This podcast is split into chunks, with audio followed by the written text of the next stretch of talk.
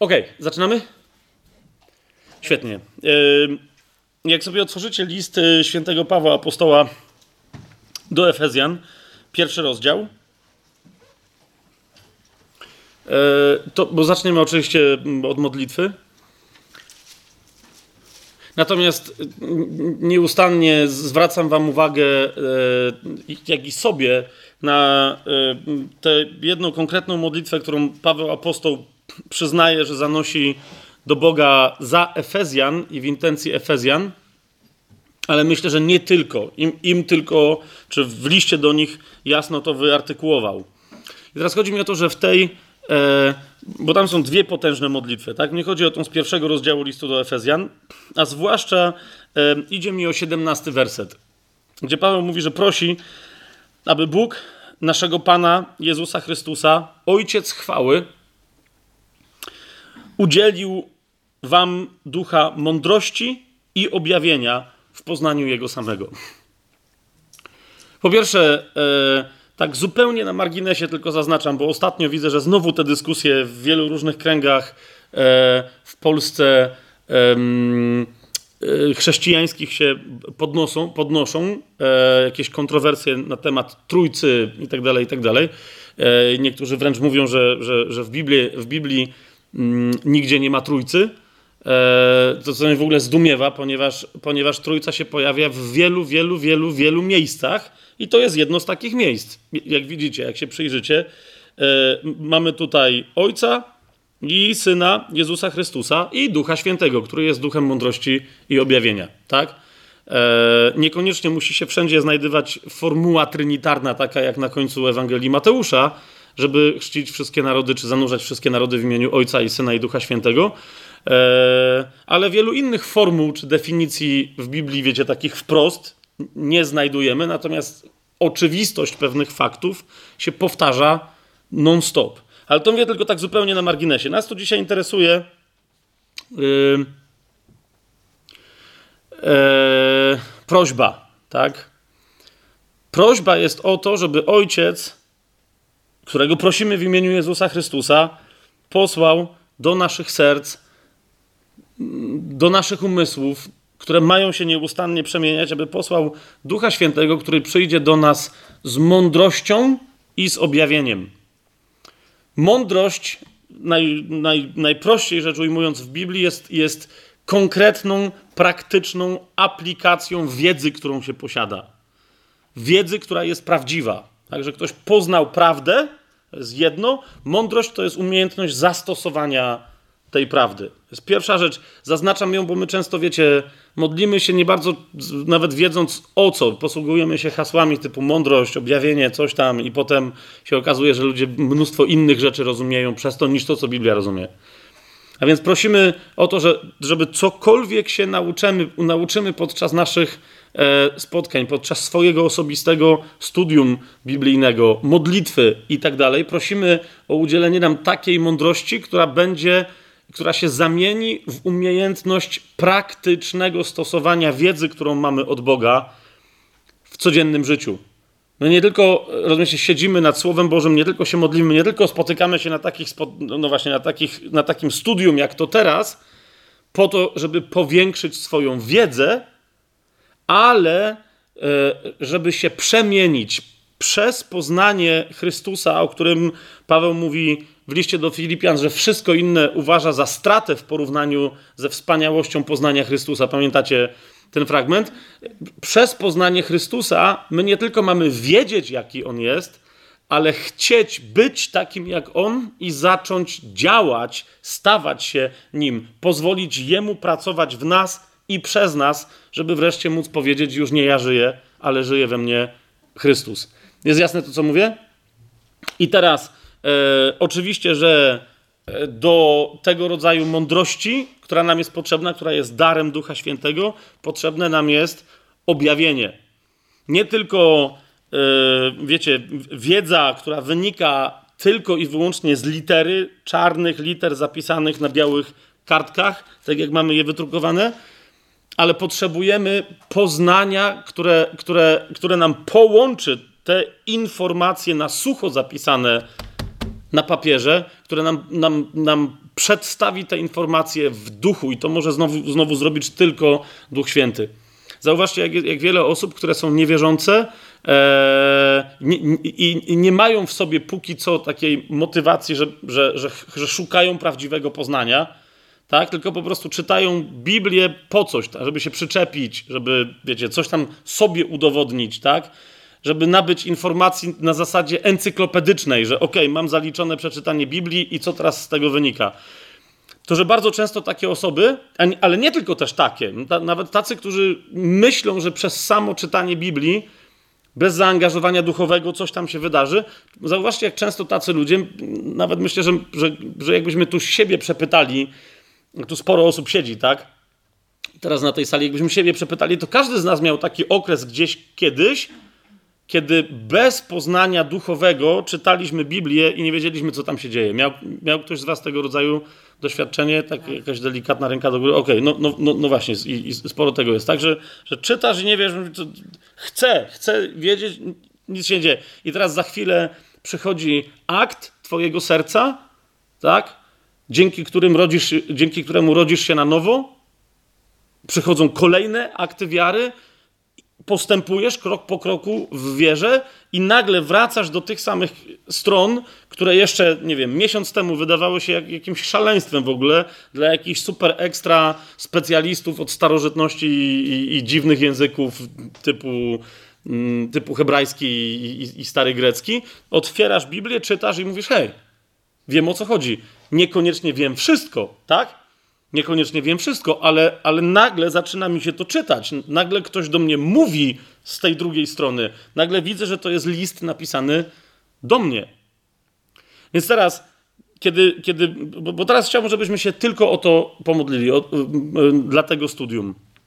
E, naszego dzisiejszego, o, o, ducha mądrości i objawienia, żebyśmy to mieli, e, to mieli w sercu, takie działanie Ducha Świętego, taką, e, taką prośbę. Bo niezależnie od tego, jak już się w naszym życiu wydarzyło to, że, że, że Słowo Boże zaczęło dla nas żyć, to rozumiecie, chodzi o to, że my potrzebujemy dalej objawienia, które zamieni się, które zamieni się w jeszcze głębszą mądrość, które stanie się w naszym życiu jeszcze, jeszcze potężniejszym uświęceniem i świadectwem yy, dla świata.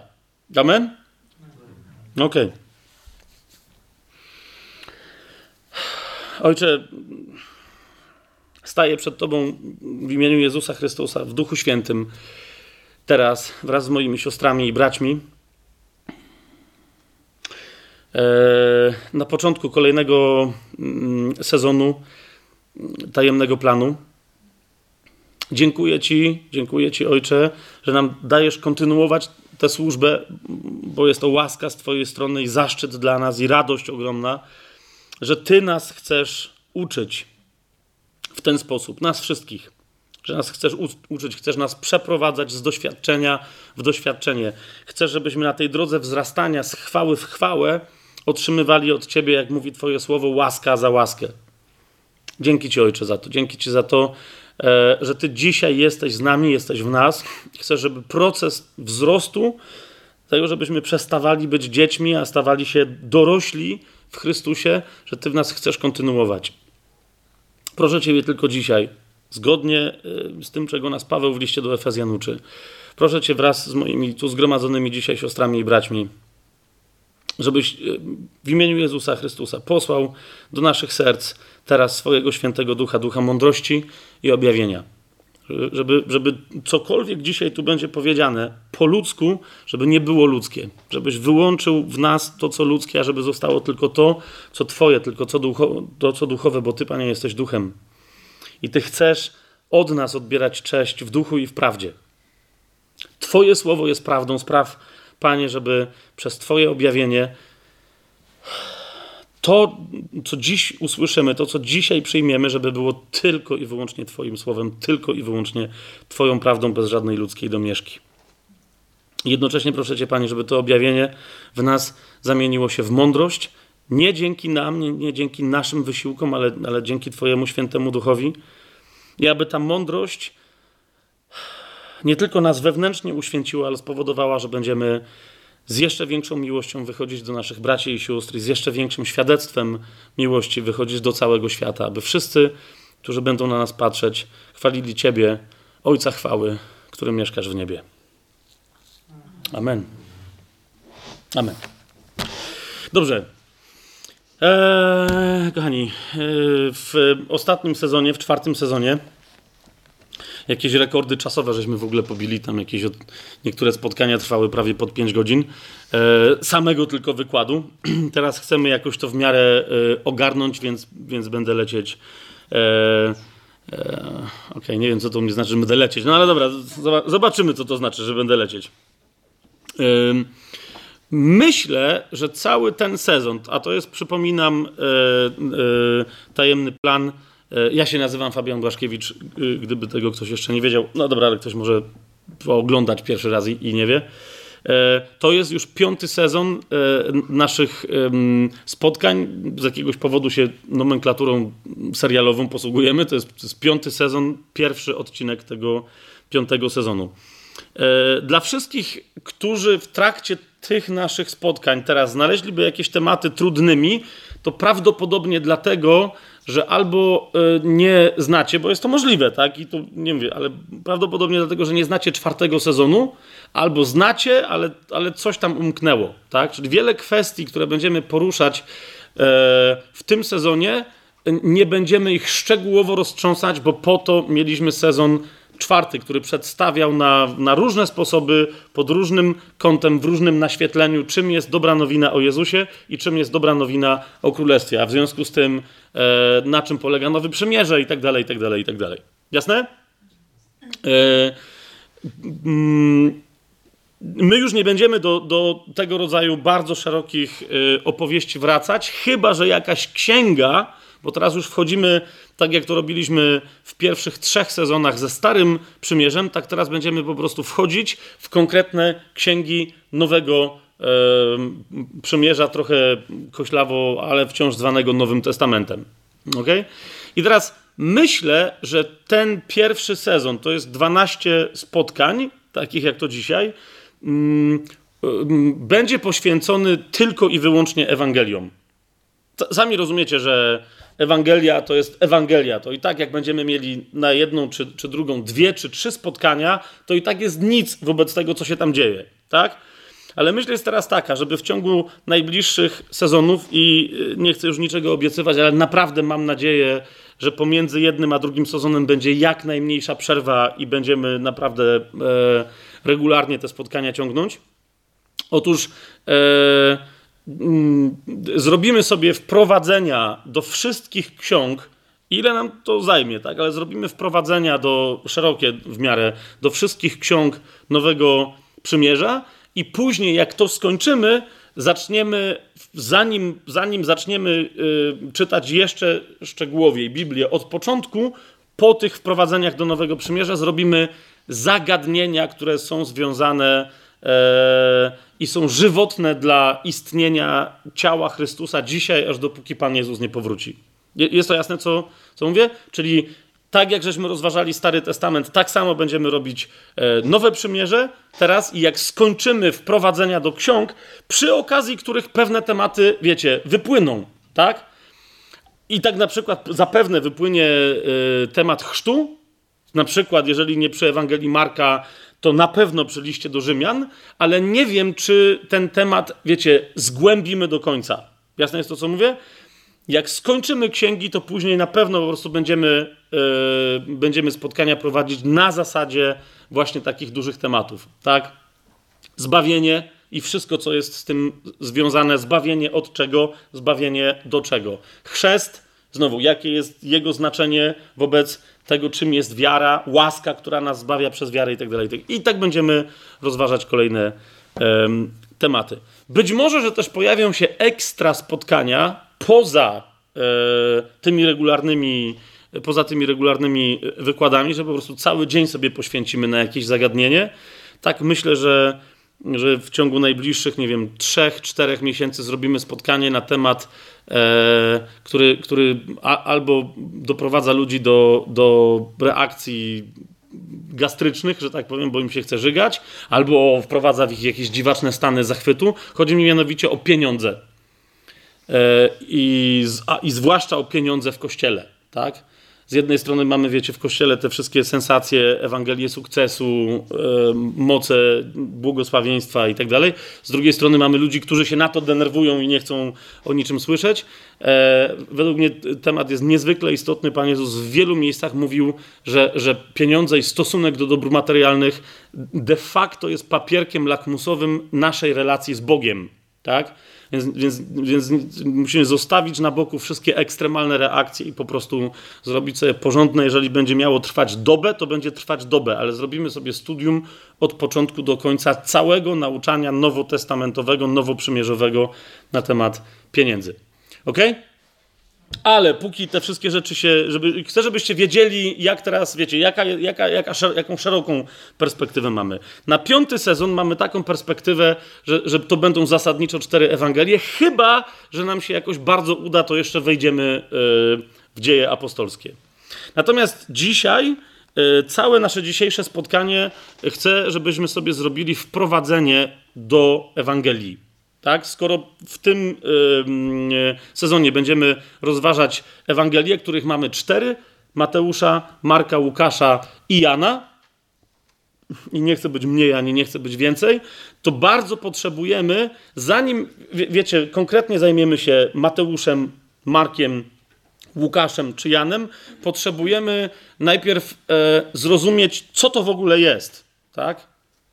Ta część Biblii, co to w ogóle jest i dlatego robimy do tego wprowadzenie. Zauważcie jedną rzecz, zauważcie jedną rzecz. E, mm, to jest w ogóle temat na osobne rozważanie, że dobra nowina, bo wiecie, co znaczy Ewangelia, tak? Ewangelion e, z greckiego znaczy właśnie dobra nowina. To, jest, to znaczy Ewangelia. I teraz chodzi o to, że dobra nowina zasadniczo jest głoszona w Biblii od samego prawie początku, jeżeli nawet wręcz w niektórych interpretacjach całkiem słusznie od pierwszego zdania w Biblii aż do ostatniego zdania w Biblii. Cały czas mamy głoszoną dobrą nowinę. Dobra nowina, dobra nowina, dobra nowina, dobra nowina, dobra nowina, dobra nowina i dobra nowina. Ale teraz rozumiecie, w ramach całej dobrej nowin, nowiny opisanej w, tych 66 księgach, tak, Starego i Nowego Przymierza, mamy cztery księgi, które są taką dobrą nowiną, że aż w nazwie mają, że są dobrą nowiną. Bo mamy Ewangelię, czyli dobrą nowinę według Mateusza, mamy Ewangelię, czyli dobrą nowinę według Marka, mamy Ewangelię, czyli dobrą nowinę według Łukasza i mamy Ewangelię, czyli dobrą nowinę według Jana.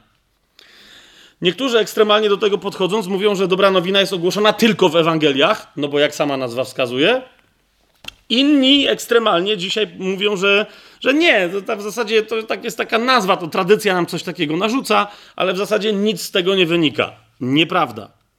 Więc teraz em, w ramach tego wprowadzenia e, i, i tak, żebyśmy już później do tego nie wracali, chciałbym, żebyśmy pięcioma zagadnieniami się dzisiaj zajęli. Po pierwsze, jakie miejsce zajmują Ewangelie e, na planie, ponieważ istnieje coś takiego jak plan, całego Pisma Świętego. Jakie miejsce zajmują Ewangelie na planie całego Pisma Świętego?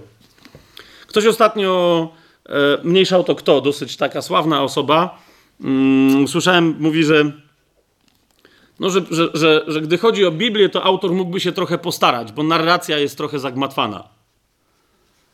No powiedziałbym, wiesz, e, może za wysokie progi na razie na twoje nogi, tak? Bo chodzi mi o to, że, że narracja nie jest zagmatwana, tylko zakłada, że czytelnik będzie na odpowiednim poziomie, niekoniecznie rozwoju, ale chociażby inicjacji duchowej i wynikającej z tej inicjacji później, e, na wynikającym z tej inicjacji poziomie. Zatem, e, ale, ale wiecie, jakbyśmy dzisiaj tak teraz siedli, e, ktoś tam powiedział, że nie będzie, może dobrze, no nie, że nie będzie siadał w pierwszym rzędzie. Jakbyśmy tak się dzisiaj przepytali, E, słuchaj, masz dwie minuty i masz powiedzieć komuś, kogo spotykasz na ulicy, o czym jest Biblia. Od początku do końca. Wiecie, myśmy tu po, po, polecali swego czasu e, książkę Chucka Mislera e, Poznaj Biblię w 24 godziny. Pamiętacie to? Rewelacyjna książka. E, zdaje się, że Josh McDowell e, e, zszokowany tym, że ktoś zamknął książkę w, e, Biblię w czymś, co można przeczytać albo wyłożyć w ciągu 24 godzin, napisał recenzję Czakowi Mislerowi, Czak, tylko ty mogłeś coś takiego zrobić. Ale teraz rozumiesz, ale teraz masz nie 24 godziny, tak jak Chuck Misler, masz dwie minuty. Masz dwie minuty. O czym jest Biblia? To teraz rozumiesz, w ramach tego, bo naprawdę Biblia ma jeden temat, tylko tak? I teraz w ramach tego jednego tematu chciałbym, żebyśmy zobaczyli, gdzie znajdują się, jakie, mie jak, jak, jakie miejsce zajmują Ewangelie. Po drugie, jaki jest sens, jaki jest charakter i jakie jest znaczenie Ewangelii, Ewangelii samych w sobie. Między innymi, żeby, żeby, żeby to zobaczyć, po trzecie będziemy sobie chcieli odpowiedzieć dzisiaj na pytanie, później będziemy się poszczególnymi Ewangeliami zajmować, dlaczego mamy aż cztery Ewangelie? Zastanawialiście się kiedyś nad tym? Są, nie wiem, dwa listy do Koryntian, dwa listy do Tesaloniczan, no ale to są, na, rozumiecie, w czasie się pojawiły, były różne problemy, co innego miał Paweł do powiedzenia jednym i drugim, tak? Ale zasadniczo e, mamy historię, którą wszyscy świetnie znamy, tak? Przyszedł Pan Jezus na świat, umarł, zmartwychwstał, poszedł do nieba. Czemu ktoś uznał, teraz kto, tak, uznał, że trzeba aż cztery razy tę samą historię w kółko opowiedzieć? Hmm? Czemu mamy aż cztery Ewangelie? Potem, jak już będziemy sobie rozważać kwestię ilości Ewangelii, ważne jest, ja wiem, że tutaj jest masa mm, zapalczywych, zagorzałych i zelockich studentów Słowa Bożego. Niemniej być może komuś umknęło, więc będziemy sobie musieli dopowiedzieć, co to są Ewangelie synoptyczne jaki tam z nimi wiąże się temat oraz, oraz co to jest teoria tak, zwane, tak, tak zwanego źródła Q. Okay? Bo pewnie znowu wszyscy o tym wiedzą, ale jeżeli nie, to żebyście później w swoich studiach nie byli zaskoczeni i niepotrzebnie nie tracili czasu. Czyli to będzie czwarte zagadnienie, co to są Ewangelie synoptyczne i źródło ku. I po piąte, e, na sam koniec chciałbym, żebyśmy się zajęli ogólnie rozumianą kwestią autorstwa. Kto jest autorem e, Ewangelii i po co one są napisane, co wynika z tego, kto jest autorem. Tak? Nie będziemy szukać sensacji, typu, że autorem e, Ewangelii nie jest Marek czy Łukasz, na przykład, ale z drugiej strony jednak będę chciał powiedzieć, że autorem tych dwóch Ewangelii nie są do końca ci, którzy się za niej, za, których się za autorów rozumie. E, ale to będzie na końcu. Chcę Wam pokazać pewne e, dokumenty i, dane i odnieść się do tego też, co dzisiaj w świecie akademickim się dzieje, bo według mnie tam dokonuje się masę niepotrzebnego, światowego zamieszania, które, które niszczy szacunek do Biblii. Więc na końcu sobie opowiemy o tym, kto, kto jest autorem e, Biblii i co z tego następnie wynika. Zacznijmy więc od początku. Tak? Jakie jest miejsce mm, Ewangelii, czterech Ewangelii w planie całego Pisma Świętego? Otóż, kochani, musimy sobie jedną rzecz wyjaśnić. Tak? Cała ta księga od początku do końca jest poświęcona tylko jednej osobie, historii tej jednej osoby i tylko jednemu tematowi. A tą osobą, tym tematem i tą historią jest Chrystus. Teraz uważajcie, co mówię. Zauważyliście, że nie powiedziałem, że jest nią Jezus Chrystus. Powiedziałem, że tą osobą jest Chrystus. Ha Masija, Mesjasz, pomazaniec. Nie jeden z wielu pomazańców opisanych w Biblii, ale ten jeden konkretny, który miał przyjść, który przyszedł, który teraz zasiada po prawicy Ojca w niebie i który powraca. Od samego początku aż do samego końca cała ta historia nie jest historią naturalną wszechświata, nie do końca jest historią stworzenia, tego jak działa natura. Nie jest historią różnych innych historii narodów, na przykład na Ziemi, tak? Niektórzy myśląc, że Biblia jest książką o wszystkim, szukają na przykład w Biblii, a gdzie jest historia Stanów Zjednoczonych? To, to nie ma. I ona nikomu do niczego nie jest potrzebna, bo najwyraźniej Stany Zjednoczone, podobnie jak wiele innych krajów, kiedyś istniejących, albo które jeszcze być może zaistnieją, wobec historii Chrystusa nie mają specjalnie wiele do dodania. No chyba, że w przyszłości, ale o tym będziemy mówić, kiedy dotrzemy do na przykład Księgi Objawienia zwanej Apokalipsą. Od początku do końca Biblia jest historią Hamasieja, Mesjasza, Chrystusa, który jest synem Bożym, z którym ojciec zawarł przymierze. To jest kolejna bardzo istotna rzecz. ok? Nowe przymierze nie jest zawarte na końcu wszystkich przymierzy. Przymierze, no, to, które my nazywamy nowym przymierzem, ponieważ z naszego punktu widzenia zostało zawarte na końcu wszystkich przymierzy, jest pierwszym, jedynym, najważniejszym przymierzem, które ojciec zawarł z Chrystusem, z Mesjaszem, który to Mesjasz następnie, żeby nas włączyć w to przymierze, stał się Bogiem będąc, stał się człowiekiem i zrobił to wszystko, o czym my wiemy, że zrobił, oraz zrobi jeszcze to wszystko, o czym wiemy, że dopiero zrobi, nas włączając w to przymierze, które on ma zawarte z Ojcem na 100%, na pewno, na zawsze. Czy jest jasne to, co mówię? Jeżeli to dla kogoś jest niejasne, to w takim razie jeszcze raz mówię, e, prawdopodobnie potrzebujesz się e, zwrócić do któregoś z odcinków poprzedniego sezonu Tajemnego Planu, gdzie wyjaśniamy, e, kto to jest Chrystus, tak? Że Chrystus jest, jest isto, powiem istotą, to zabrzmi trochę dziwacznie, tak? No ale tak jest, jest, jest, jest osobą, bo nie jest stworzeniem, jest Bogiem. Chrystus istnieje od początków początków tak? I będzie istnieć po wiek wieków. Chrystus, ten, którego my znamy, bo tak nam się objawił i taka była historia, którego my znamy jako umarły i zmartwychwstały, zauważcie w jak wielu miejscach, przedstawia nawet sam siebie, mówiąc, że jest barankiem zabitym od początku, który wszakże zmartwychwstał i żyje na wieki. Rozumiecie, o co mi idzie? Chrystus, Chrystus stał się Jezusem, tak? I był czas, kiedy istniał Chrystus, a jeszcze nie było Jezusa, bo Jezus to jest wcielenie Chrystusa, to jest wcielenie drugiej osoby Trójcy Świętej, to jest wcielenie Słowa Bożego. Tak? Ale yy, więc historia Chrystusa jako Jezusa, która się rozpoczęła wraz z jego yy, wcieleniem, poczęciem, narodzeniem i która trwa, bo od momentu, kiedy Chrystus stał się Jezusem, zauważcie, nie przestaje nim być tak? I nie przestanie już teraz. Od zawsze jest Bogiem i na zawsze będzie Bogiem, ale w pewnym momencie stał się Jezusem z Nazaretu i teraz jako, jako tenże w ciele ludzkim, jako Bóg jednocześnie jest, jest uwielbiony i czekamy, aż, aż wróci w chwale.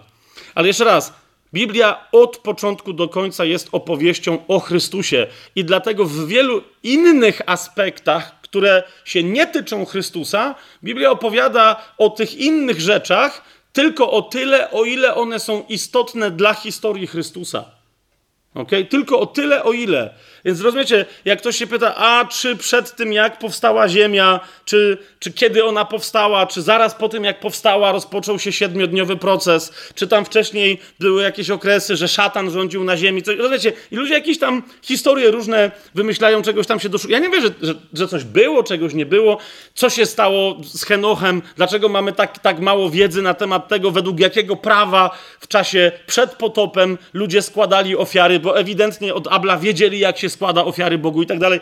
Rozumiecie, czemu, to nie jest opisane? Jeszcze raz, najwyraźniej z punktu widzenia Bożego te wszystkie informacje może kiedyś prawdopodobnie zostaną nam udzielone, ale w Biblii się nie znajdują, ponieważ nie mają żadnego znaczenia dla historii Chrystusa, która dla nas jest ważna. Hmm? Również nie ma wielu, wiecie, informacji na temat poprzednich wieków, tych sprzed naszego wieku, wieku w sensie epoki całej, tak? Mamy informacje na temat tych, tych, tych epok, które jeszcze nadciągają, bo, bo ta epoka, ten wiek, e, czy Biblia, mm, eon, Biblia mówi wręcz świat, ten świat się w pewnym momencie skończy, ale to nie znaczy, że w ogóle się wszystko skończy, tylko się rozpocznie następny, tak? Więc również na temat tego, co ma nadejść, wiemy tylko tyle, o ile dla nas na dzisiaj, w tym wieku, to jest istotne. Czy to jest zrozumiałe? Eee, czy to jest zrozumiałe, o czym ja mówię teraz? Tak? Okej. Okay. I teraz, kochani, żebyśmy zobaczyli to, bo widzicie, kolejna rzecz jest taka, ludzie mimo wszystko, mimo tych sezonów, które myśmy mieli tajemnego planu, mimo wszystko, nadal, rozumiecie, mimo że myśmy to wielokrotnie pokazywali, nadal ktoś otwiera księgę sędziów co, i mówi, ale tu, ale, ale, ale tu Bóg coś, a tam ktoś co, a tu dlaczego? Jeszcze raz, Zawsze będziemy wykręcać Słowo Boże, okay? Al, albo, albo diabeł przy pomocy Słowa Bożego będzie nam wykręcać ręce i nogi i mózg, Jeżeli zapomnimy o tej perspektywie, tak? Całe Pismo Święte jest historią Chrystusa. Pamiętacie, kiedyś posłużyliśmy się takim znanym e, w zachodnim protestantyzmie powiedzeniem, które, które mówi, że nowe przymierze w starym przymierzu zostało zamknięte i schowane, ukryte, a stare przymierze w nowym przymierzu zostało ujawnione i pokazane w tym wszystkim, co samo w sobie chowało. W tym, co na temat Chrystusa stare przymierze chowało, ale miało, w tym nowe przymierze jest objawieniem często tego, co znajdujemy w starym przymierzu. Zauważcie, yy, Jezus przychodzi, podam jeden tylko przykład. Jezus przychodzi i głosi Ewangelię o Królestwie.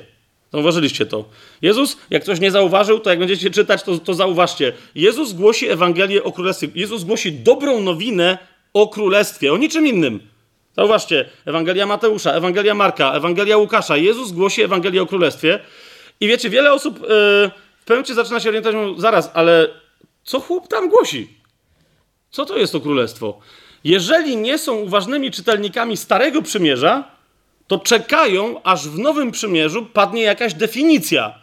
Ponieważ nie pada, to sobie wymyślają jakieś definicje, tak? Że Królestwo Boże to jest Kościół, na przykład dzisiaj, że to jest Duch Święty, że to jest moc Boża działająca w nas. Te aspekty mają związek z Królestwem, ale to nie jest to, co w zasadzie i właściwie głosił Jezus, tak?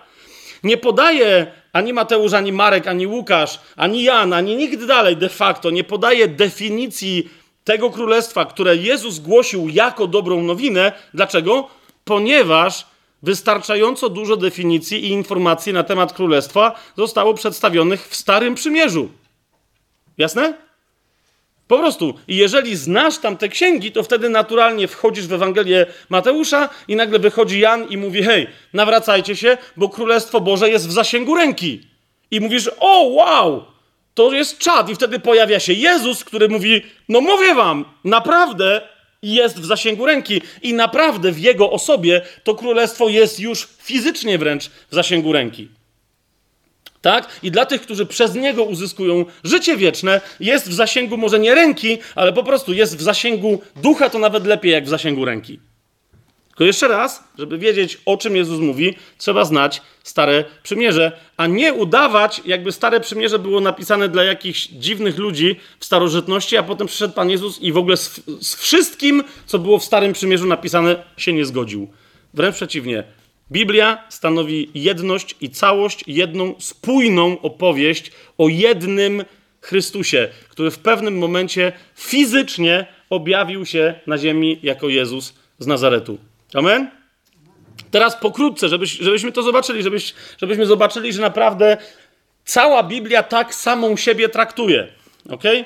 Jak mówię, że cała, cała Biblia jest taką opowieścią i chcemy zobaczyć, jak w tej opowieści, jak, jaką rolę pełni, jakie miejsce zajmują Ewangelie, to musimy sobie przypomnieć, że e, stary, Stare Przymierze ma zasadniczo z naszego chrześcijańskiego punktu widzenia cztery części i Nowe Przymierze ma również cztery części czyli ma osiem zasadniczych zrębów, jakby takich przełomów, i one wszystkie są skoncentrowane wokół Chrystusa. One wszystkie są skupione na Chrystusie. Nie tylko Biblia jest chrystocentryczna, ale każda część Biblii jest chrystocentryczna. I każda księga w konkretnej części Biblii jest również chrystocentryczna w określony sposób. O co mi chodzi? Jakie to są części? Po pierwsze, to jest pięcioksiąg Mojżesza, czyli Tora. Tak? Tora to jest historia tego, jak powstał świat i teraz dlaczego wszystko się zepsuło, że pojawiło się prawo, a więc to jest opowieść o tym, że, że, została, że zostało dane prawo, że, została, że został dany przybytek i y, że zostało dane kapłaństwo, które przy pomocy prawa i przy pomocy przybytku może komunikować ludzi z Bogiem. Tak? Więc to jest, to jest, y, to jest Tora, to są później księgi historyczne Izraela, jest druga część, potem trzecia część to są księgi poetycko-mądrościowe i czwarta część to są księgi prorocze, czyli prorocy zasadniczo rzecz ujmując. To są cztery części Starego Przymierza. Nowe Przymierze to mamy po pierwsze Ewangelię, po drugie jedną księgę, ale to bardzo istotne, dzieje apostolskie, po trzecie listy apostolskie i po czwarte na samym końcu znowu jedną księgę, ale też niezwykle istotną, o zupełnie y, innym charakterze, czyli księgę objawienia y, świętego Jana. Tak? Osiem zrębów, osiem bardzo istotnych części Biblii. I teraz w jakim sensie one są chrystocentryczne? Otóż e, Tora i, i, I to jeszcze raz, bo, bo, bo, cały czas gdzieś się nie wie, wiecie, w ramach takich podróży, które gdzieś tam nas zapraszają ludzie, cały czas padają pytania o prawo, tak? A prawo to, a prawo tamto, a przychodzą ludzie po doświadczeniach na przykład, yy, czy nauczaniach adwentystów yy, Dnia Siódmego, czy nawet niektórych Żydów mesjańskich yy, i mówią o jakichś dwóch prawach, tak? Że to prawo było na kamieniach tam, to gdzieś tam, jeszcze, jeszcze inne historie. Okej, okay Rozumiecie? I teraz jest zagmatwanie. Wszyscy rozmawiają prawo to, prawo tamto, jakie prawo nas dzisiaj obowiązuje, czy tamto prawo coś, czy mamy jeść kiszkę. Rozumiecie? Od wielkich zagadnień po bardzo konkretne. Jeszcze raz, jeszcze raz. I, i, i zaraz chcę to yy, pokrótce, ale jasno pokazać. Po pierwsze, pierwszy zrąb całej tej opowieści, która jest chrystocentryczna. Jak jest chrystocentryczny? Otóż ten pierwszy zrąb to jest przygotowanie wszelkich fundamentów Chrystusowych dla całej przyszłej historii. To jest przygotowanie wszelkich fundamentów, które same w sobie nie mają znaczenia, o ile nie pojawi się ten, kto nadaje im znaczenie. Okay? To jest przygotowanie fundamentów. Co mam konkretnie na myśli? Eee, no bo oczywiście, e, oczywiście ktoś może przywołać list do Kolosan, drugi rozdział, e, 17 bodaj werset, gdzie jest powiedziane, że wszystkie te rzeczy, które są, i niektórzy tak robią, tak? Mówią, że a dobra, Tora, prawo, Mojżesz, przybytek, te wszystkie dziadostwa, to są, no właśnie, to są dziadostwa i nie ma co się tym w ogóle zajmować, bo list do Kolosan 2,17 mówi, że to są zaledwie cienie rzeczy przyszłych, a rzeczywistością jest Chrystus lub w innych tłumaczeniach, na przykład w UBG, UBG mówi, a ciało jest Chrystusa, tak? Tu jest konkret a tam są tylko cienie rzeczy przyszłych. Otóż chciałbym Wam zwrócić uwagę na parę nowotestamentowych e, fragmentów, które e, no, powinny nas nieco przebudzić, tak? Bo, bo one nam, nam, nam przypominają o tym, że Chrystus się znajduje w Biblii od pierwszego wersetu Tory. Okay? Od pierwszego rozdziału, pierwszego, roz, e, e, pierwszego rozdziału, pierwszego wersetu pierwszej księgi Mojżeszowej, księgi rodzaju. Bereshit. E, I przez całą Torę Chrystus jest tam obecny. Otwórzcie sobie na przykład pierwszy do Koryntian, e, dziesiąty rozdział. I zobaczcie wersety od pierwszego, e, od pierwszego do czwartego, a potem powiedzmy dziewiąty do jedenastego.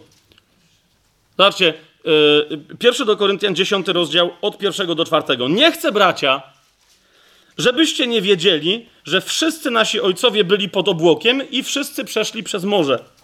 I wszyscy w Mojżesza zostali ochrzczeni w obłoku i w morzu. Wszyscy też jedli ten sam pokarm duchowy i wszyscy pili ten sam duchowy napój. I teraz uważaj, jaka to jest pierwsza, e, jedna z wielu tego rodzaju konkluzji w Nowym Przymierzu. Mówi tak, pili bowiem ze skały duchowej, która szła za nimi. A skałą tą był kto? Chrystus a skałą tą był Chrystus. Widzisz, dla Pawła jest rzeczą oczywistą to, co było wielką tajemnicą dla tych, którzy z Chrystusem wtedy przebywali. Tak?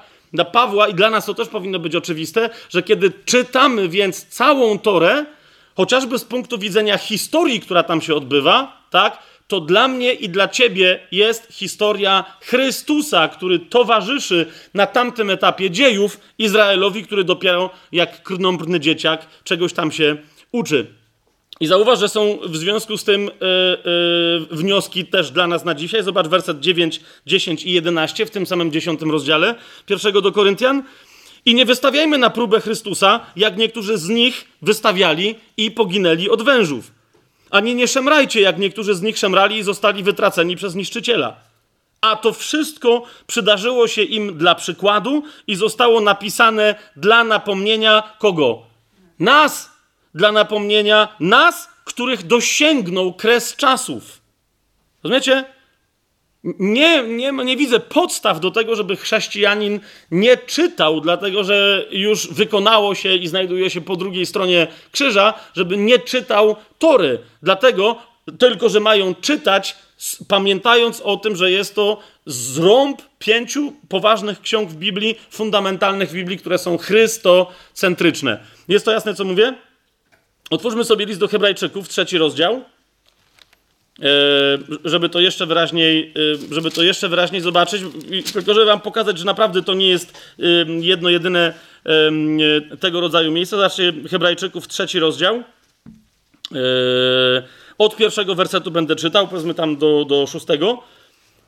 Znowu e, pisze Paweł, jeszcze raz, kiedy indziej, jak będziemy w liście do Hebrajczyków, wyjaśnię w końcu, czemu uważam do, do końca, że, że to jest list Pawła.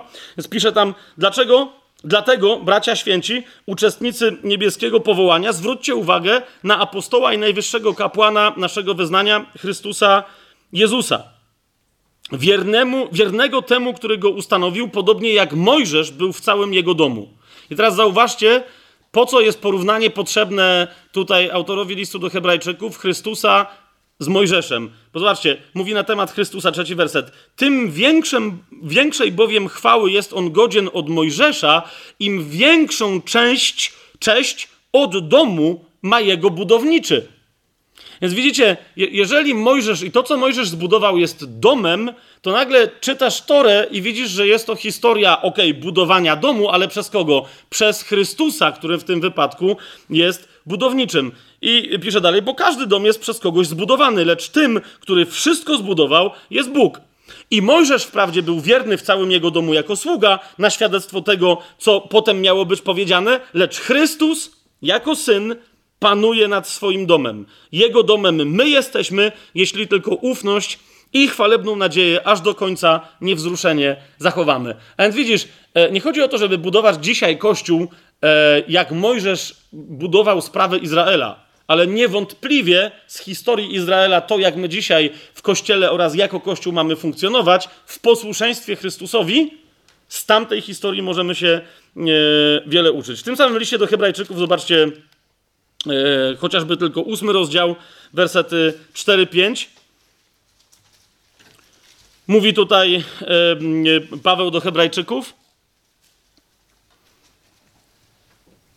że na ziemi są inni kapłani, którzy ofiarują dary zgodnie z prawem. Widzisz, odnosi się do kwestii, bo niektórzy mówią, dobra, to możemy czytać historię Izraela w Torze, ale po co nam czytać prawo? I teraz zobacz, co jest tu napisane. Mówi, że tu kapłani ofiarują dary zgodnie z prawem. Służą oni obrazowi i cieniowi tego, co niebiańskie. Jak Bóg powiedział Mojżeszowi, gdy miał zbudować przybytek, uważaj, powiedział, abyś uczynił wszystko według wzoru, który ci został ukazany na górze. Okay? Wszystkie rzeczy, które są opisane e, w Biblii, mówią o Chrystusie, o Jego woli i o tym, jak On ją będzie objawiał, a dzisiaj ją objawia. Rozumiesz, jeżeli na przykład ktoś nie wie, co jest napisane w Biblii na temat solenia ofiar, to jak w ogóle ma zacząć rozumieć powiedzenie Jezusa z Ewangelii, że każdy musi w pewnym momencie być posolony ogniem? Wiecie o co mi chodzi? To jest jasne odniesienie się do, do Jezusa. Mówi, wiem, że znacie prawo Mojżesza. Po, co? po to, żebyście teraz zrozumieli, co ja do was mówię. Jak jeżeli ktoś nie wie w ogóle, gdzie po raz pierwszy się pojawia menora, siedmioramienny świecznik i jakie ma znaczenie, Skąd może wiedzieć, dlaczego pisząc listy do siedmiu kościołów, Jezus mówi, że te kościoły w niebie są widziane jako siedem świeczników? I tak dalej, i tak dalej. Tak?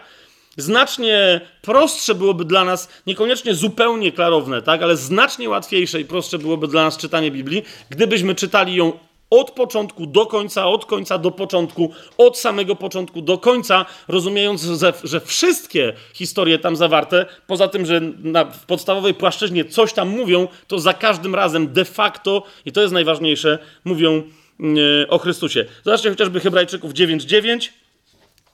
Tam jest, bo tu jest mowa o prawie, teraz jest mowa o przybytku. I jest powiedziane, że również przybytek był obrazem na tamten czas, a składano w nim dary i ofiary, które nie mogły uczynić doskonałym w sumieniu tego, który pełnił służbę Bożą. Tak? A, ale, ale nadal w momencie, kiedy przychodzi ten, czyli Chrystus, który czyni doskonałym w sumieniu, on to czyni tak, jak to obrazowo zostało przedstawione w świątyni. Jak może ktoś stawać przed Chrystusem w pełni świadomie, bo oczywiście może tak o, tak? Ale jak może stawać w pełni świadomie przed Chrystusem i wielbić go jako baranka, który raz na zawsze zgładził grzech świata? To wiecie o co mi chodzi? To wiecie, kiedy nie rozumieją, jakie było znaczenie i jaki był charakter baranka w świątyni, składanego w ofierze co jakiś czas. Kapujecie? Podam wam tylko jeden z aspektów. Zauważcie, w Starym Przymierzu, kiedy przychodzili grzesznicy przed Boga, przychodził grzesznik, tak? Ale przychodzili grzesznicy, mieli złożyć w ofierze baranka. I teraz powiedzcie mi, arcykapłan lub kapłan, który akurat miał go składać w ofierze, na kogo patrzył, kiedy miał złożyć przebłaganie za grzechy grzesznika? Na grzesznika? Czy na ofiarę, która miała być złożona?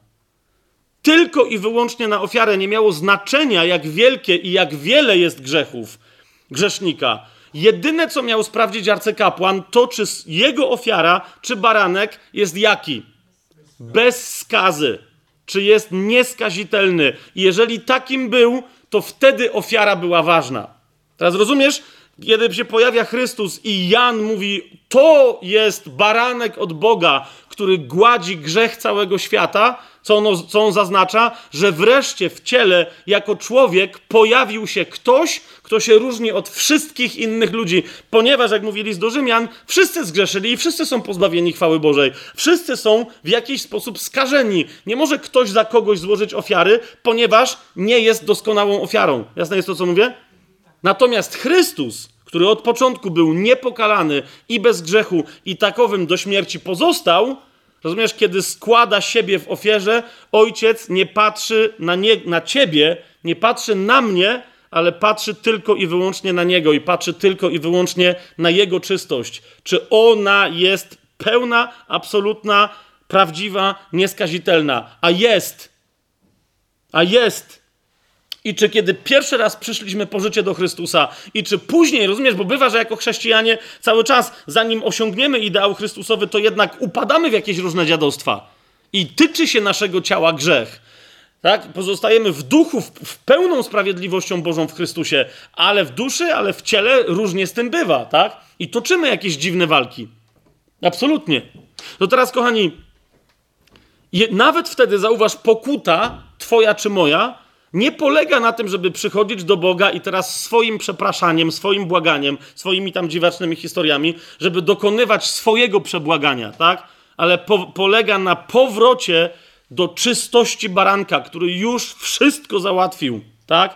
Na powrocie do jego łaski, dzięki której ja mogę odzyskać władzę, taką jaką on miał u siebie, nad moim, w nim i dzięki jego łasce, nad swoim życiem, żeby przestać grzeszyć, żeby zacząć wreszcie w pełni być posłusznym yy, woli ojca.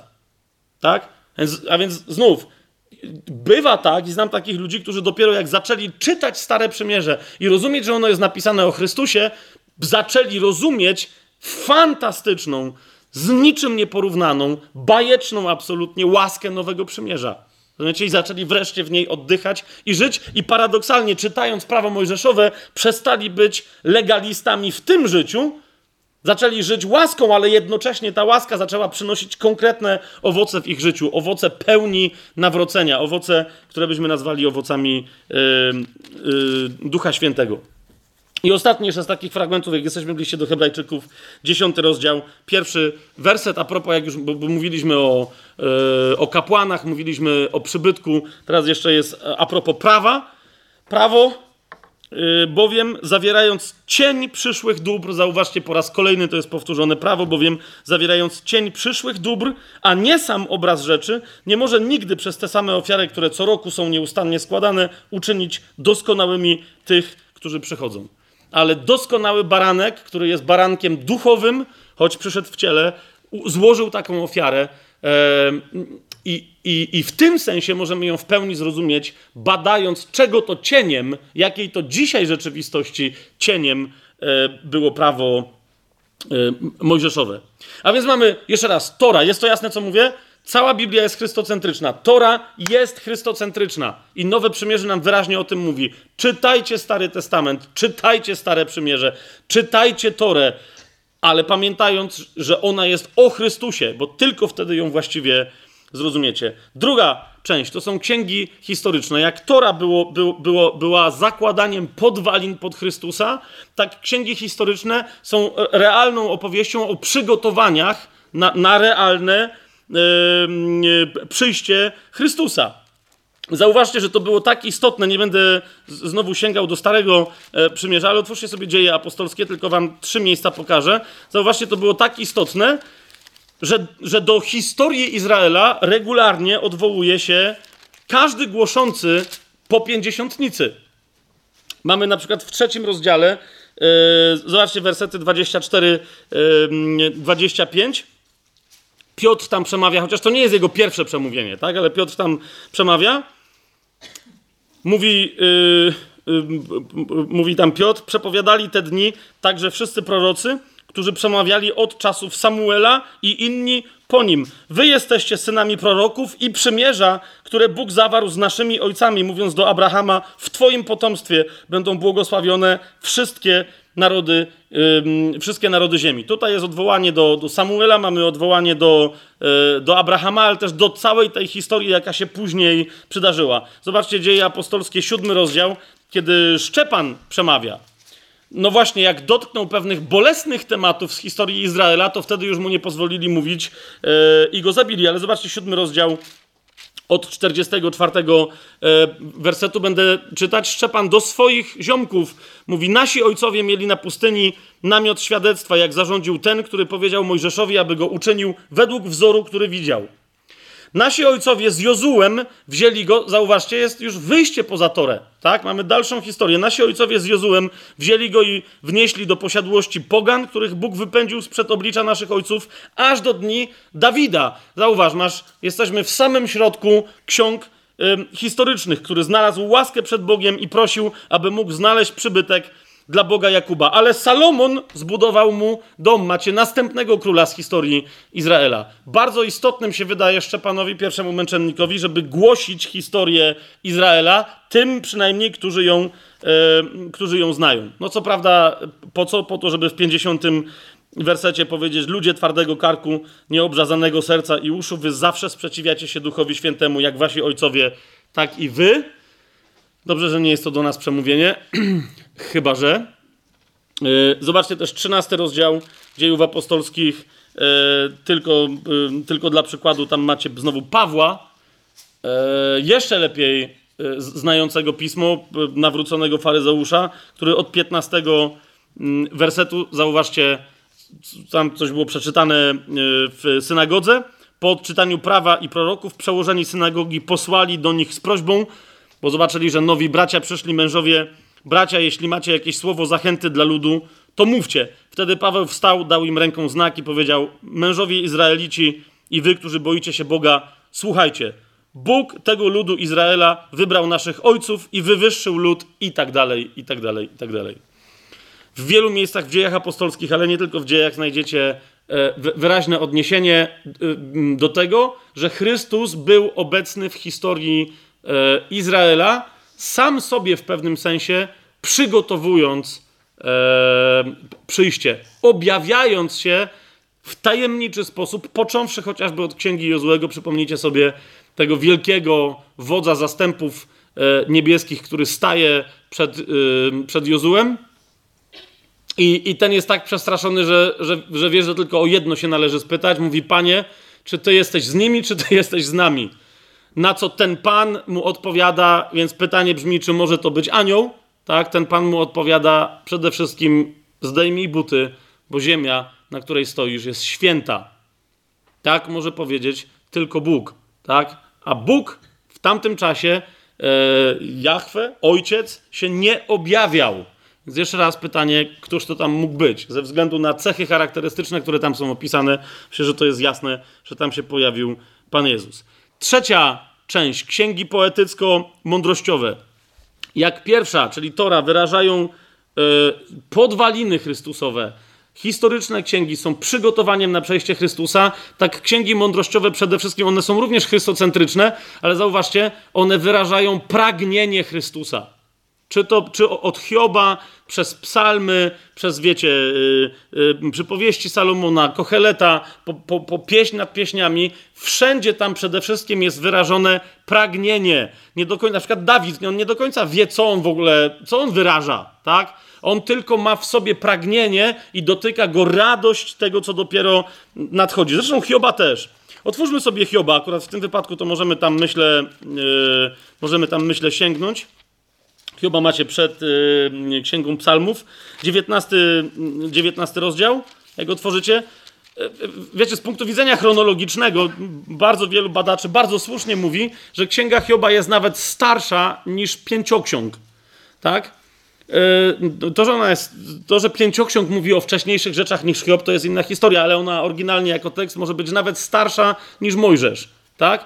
I, I, nagle, rozumiecie, macie, macie człowieka, który tam w pewnym momencie mówi, zobaczcie, 19 rozdział, 25, 26 werset, który y, nawet wcześniej, 24, 25 i 26, nagle dotyka go w, środku coś tak mocnego, w samym środku jego cierpienia, dotyka go, rozumiecie, takie przeczucie, że mówi, oby rylcem z żelaza i ołowiem zostały na wieczną pamiątkę wyryte na skalę te słowa. Jakie? Wiem, że mój odkupiciel żyje i że w ostatecznym dniu stanie na ziemi. A chociaż moja skóra się rozłoży, to i tak w swoim ciele ujrzę Boga. Rozumiecie? Jest sensacja. Tak? Znaczy, takich jest więcej u Hioba, ale idzie, idzie mi o to, że to masz jasne wyznanie. Tak? On jeszcze nie wie, co jest grane, jak, ale wie, że, że jest Pan, tak? I że ten Pan przyjdzie na ziemię i że ten Pan, niezależnie od tego, że, że, że my możemy umrzeć i zgnić w starych ciałach, to i tak zostaniemy wskrzeszeni i w ciałach na powrót Go zobaczymy. E, to jest Hiob. Zobaczmy sobie Psalm 118. On mi się bardzo podoba, bo to jest takie, wiecie, naprawdę jest tam, jest tam ewidentnie e, jest tam ewidentnie Dawid natchniony e, i w szaleństwie takim, wiesz, takiej radości wyrzuca z siebie hasła, które ogólnie są fajne i jakby Duch Święty mu to mówi, ale jestem przekonany, że on nie wie, co on gada. Tak? Ale teraz my jako chrześcijanie, rozumiesz, zauważ, co się dzieje, gdzie my jesteśmy. Że my nie możemy czytać takich tekstów po prostu bez Chrystusa, bo inaczej jest, bylibyśmy w jeszcze gorszym szaleństwie jak Dawid, bo on przynajmniej w Duchu Świętym coś miał, rozumiecie? Miał radość, miał przeczucie, miał pragnienie, ale my oprócz tego jeszcze co? Mamy poznanie. To jest, y, to jest y, psalm 118, powiedzmy od, tam jest, to on cały jest taki, ale powiedzmy od 19 wersetu, tak? Zobaczcie, z jednej strony krzyczy, otwórzcie mi bramy sprawiedliwości, a wejdę w nie i będę wysławiał Pana. I nagle na co on patrzy? Tak, na co on patrzy, że, że, że nagle mówi, to jest brama Pana, którą wchodzą sprawiedliwi. Jeżeli, jeżeli słyszysz Jezusa, który mówi, ja jestem bramą, przeze mnie kto wejdzie, wejdzie i wyjdzie i znajdzie pokarm, ja jestem bramą owiec. Pamiętacie to? To, to, nagle, to nagle widzisz, że nawet jeżeli on nie wiedział, co on czuje, to on miał przeczucie pełne pragnienia. Zresztą popatrz dalej. Mówi, będę cię wysławiać, bo mnie wysłuchałeś i stałeś się moim zbawieniem. Jehoszua.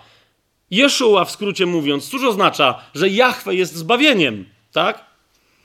Będę cię wysławiać, bo mnie wysłuchałeś i stałeś się moim zbawieniem. Patrz dalej. Kamień, który odrzucili budujący, stał się kamieniem węgielnym, fundamentalnym. O kim mówi Dawid? Rozumiesz, jakbyśmy tam się pojawili, to mówię, ja nikim nie mówię, tak se śpiewam, tak se tańczę, jest czad. Wysławiajcie Pana, tak się 118 psalm zaczyna. Ale zobacz, jakie to są proroctwa. On po prostu ma w sercu radość na widok czegoś, czego jeszcze nie rozumie. Kamień, który odrzucili budujący, stał się kamieniem węgielnym. Pan to sprawił i jest to cudowne w naszych oczach. Oto dzień, który Pan uczynił. Weselmy się i radujmy się w nim. Proszę, Panie, wybaw teraz. Proszę, Panie, teraz daj pomyślność. Błogosławiony, który przychodzi w imieniu Pana. Błogosławimy wam z domu. Rozumiesz, Paweł, e, e, Dawid gada, jest ten błogosławiony, ja cię błogosławię, my wszystkich was błogosławimy. Kto? Nie wiem! Szał! To, to jest to, co robi Chrystus w tych wszystkich poetach i mędrcach Starego Przymierza. Genialna historia. Jeszcze zobaczcie dalej. Bóg jest Panem, 27 i dalsze. Bóg jest Panem, On nas oświecił. Przywiążcie baranki powrozami aż do rogów ołtarza. Ty jesteś moim Bogiem, będę Cię wysławiać. Mój Boże, będę Cię wywyższać. Wysławiajcież Pana, bo jest dobry, bo Jego miłosierdzie musi trwać na wieki. Czujecie Chrystusa? E, I teraz zobacz, e, niezależnie od tego, co myśmy nawet powiedzieli na temat pieśni nad pieśniami, przejdźmy jeszcze do pieśni nad pieśniami. E, ona jest przed Izajaszem. Zobacz od początku, o czym ona jest. Pierwszy rozdział, wersety 3-4. O kim ona jest? Czy to nie jest skoncentrowane na Chrystusie? Z powodu wonności Twoich olejków, Twoje imię jest jak rozlany olejek. Dlatego miłują Cię dziewice. Pociągnij mnie, a pobiegniemy za Tobą. Król wprowadził mnie do swoich komnat. Będziemy się cieszyć, będziemy się radować Tobą, będziemy pamiętać o Twojej miłości bardziej niż o winie. Miłują Cię sprawiedliwi. Niezależnie od tego, jaka tu jest, wiesz, jaka tu jest historia i zobacz końcówkę, do kogo można tak powiedzieć. Do kogo chrześcijanin może tak powiedzieć, jeżeli nie tylko do Chrystusa, w którym to wszystko staje się faktem. To jest ósmy rozdział e, Pieśni nad Pieśniami, wersety 6 i 7. Czemu mamy dziś tak mało e, takiej modlitwy e, w, w, kościele? Jest, znam takie pieśni, ale czemu tak mało takich rzeczy biblijnych śpiewamy? Przyłóż mnie do swojego serca jak pieczęć. Jak pieczęć mnie połóż na swoim ramieniu. Bo miłość jest silna jak śmierć, zawiść jej twarda jak grób. Jej żar jest jak żar ognia i jak żarliwy płomień. Nawet największe wody nie zdołają zagasić miłości, ani rzeki jej zatopić. Choćby ktoś oddał cały majątek swojego domu za taką miłość, byłby z pewnością tylko wzgardzony. Co ci tu brzmi w tym ostatnim wersecie? Co ci tu brzmi? 13 rozdział pierwszego do Koryntian, tak zwany hymn o miłości. Tak? A, a miłości bym nie miał, bym, byłbym niczym. A miłości bym nie miał, byłbym niczym. Tam Paweł cały czas powtarza. Do czego on nawiązuje? Do, dokładnie do tego fragmentu. Choćby ktoś oddał cały majątek swojego domu za taką miłość, byłby z pewnością wzgardzony. I ostatnia część tory, zauważcie, co się dzieje. Mieliśmy podwaliny, pod Chrystusa, przygotowanie przyjścia Chrystusa, wyrażenie pragnienia Chrystusa i teraz mamy proroków, którzy już jasno zapowiadają Chrystusa, tak? Wyrażają nie pragnienie, ale wyrażają spodziewanie się konkretne Chrystusa. I już nie będziemy tego, bo to wiecie, bo żeśmy tego wiele robili, ale jak jesteśmy przy pieśni nad pieśniami, to do Izajasza sobie chociażby wskoczmy do dziewiątego rozdziału. Konkret, tak? Dziewiąty rozdział wersety 6-7. Dziecko bowiem narodziło się nam, syn został nam dany. Tu się zaczyna właściwe proroctwo, tak? Syn został nam dany. Na jego ramieniu spocznie władza, a nazwą go imieniem cudowny, doradca, Bóg mocny, ojciec wieczności, książę pokoju. A rozszerzeniu jego władzy i pokoju nie będzie końca Zasiądzie na tronie Dawida i nad jego królestwem, aż je ustanowi i utwierdzi sądem i sprawiedliwością odtąd i na wieki. Tak dokona tego gorliwość Pana zastępów. O kim tu jest mowa? To jest Chrystus. Tak? To jest Chrystus, którego my znamy. To jest Chrystus, który bez wątpienia jest Bogiem, ponieważ jeżeli Izajasz mówi, że go nazwą, to znaczy, że on będzie tym, kim go nazwą, ponieważ imię w proroctwie wyraża realną naturę. Tak? Jeżeli w proroctwie jest powiedziane, że on będzie Immanuel, Bóg z nami, to rzeczywiście stał się Bogiem, który był y, i, i jeszcze będzie z nami. Więc od, od początku Izajasza, na, nawet nie od dziewiątego rozdziału, ale to przeczytałem, aż do Malachiasza, każdy prorok jest skoncentrowany na Chrystusie. Każdy prorok, od początku do końca, sięgnijmy sobie tylko do końca do Malachiasza, żeby to, to jasno zobaczyć. Trzeci rozdział Malachiasza, Eee, chociażby pierwszy, trzeci werset. Pan prze, przez Malachiasza mówi: Oto posyłam e, mojego posłańca, który przygotuje drogę przed moim obliczem. I raz wiemy, kto to jest. To jest Jan Chrzciciel, który przyszedł, tak? A potem pojawia się samo oblicze, i nagle przybędzie do swojej świątyni Pan, którego wyszukacie posłaniec przymierza, którego wy pragniecie. Oto przyjdzie, mówi Pan zastępów. Tak? Więc jeszcze raz, zauważcie, całe Stare Przymierze, tak, jest chrystocentryczne. Cokolwiek robimy w tym Starym Przymierzu, jeżeli stracimy to, yy, tą perspektywę, to szatan zaczyna nam mieszać w głowach i, i mówić: A zobacz, a tu jest inna informacja, a tu jest coś. Jeszcze raz. Jak ta informacja, którą znajduję, jakieś fakty, które znajduję w Starym Przymierzu, jak się mają, jak się mają do Chrystusa. I w Jego świetle dopiero możemy zacząć rozumować cokolwiek na temat tego, co się, co się tam dzieje. Teraz, e, kochani, jak w tym wszystkim, w tej perspektywie, czym są Ewangelie? Okay? Czym są Ewangelie? Bo teraz znowu powiedziałem, że mamy cztery części w Nowym Przymierzu. Ewangelie, dzieje apostolskie, listy apostolskie i księgę objawienia. Tak? Że jest, że jest tutaj niezwykle e, prosta, ale musimy, e, musimy to powiedzieć. Ewangelie są w samym środku środka. Dlaczego? Ponieważ Ewangelie są objawieniem Chrystusa i są opowieścią o objawieniu się Chrystusa. Tak? To wszystko, do czego zmierzał Stary, Stary Testament, to wszystko się wypełnia w przyjściu Chrystusa, w przyjściu Chrystusa na ziemię. To są Ewangelie. Eee, no, zróbmy to od razu. Otwórzmy sobie Ewangelię Łukasza. Otwórzmy sobie Ewangelię Łukasza, siódmy rozdział.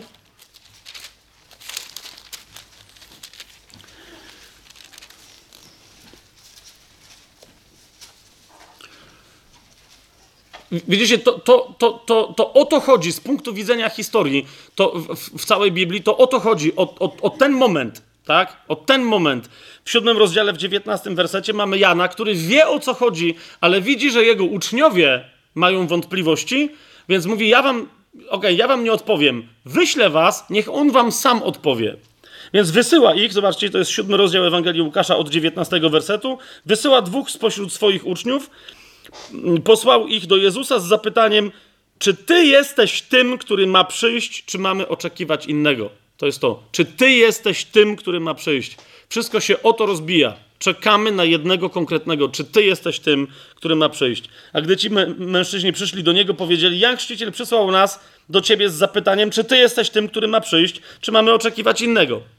A w tym właśnie czasie wielu uzdrowił z chorób i dolegliwości i uwolnił od złych duchów, a wielu ślepych obdarzył wzrokiem. Jezus więc odpowiedział im: Idźcie i oznajmijcie Janowi to, co widzieliście i słyszeliście. Ślepi widzą, chromi chodzą, trędowaci zostają oczyszczeni, głusi słyszą, umarli z martwych wstają, a ubogim jest wreszcie głoszona dobra nowina.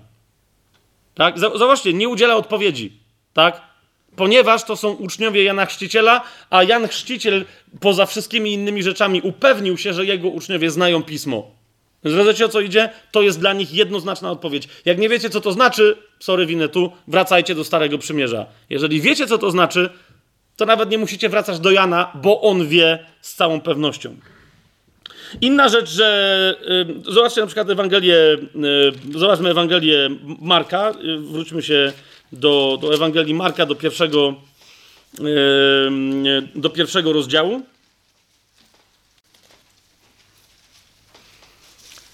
Ewangelia o tym mówią wszędzie, wprost, krzyczą, na przykład w taki sposób. Pierwszy rozdział, wersety 9, 10 i 11. A w tych dniach przyszedł Jezus z Nazaretu w Galilei i został ochrzczony przez Jana w Jordanie. A zaraz wychodząc z wody, ujrzał rozstępujące się niebiosa i ducha, jak gołębice zstępującego na niego i rozległ się głos z nieba: Ty jesteś moim umiłowanym synem, w którym bardzo sobie upodobałem, albo z którego jestem bardzo, ale to bardzo dumny.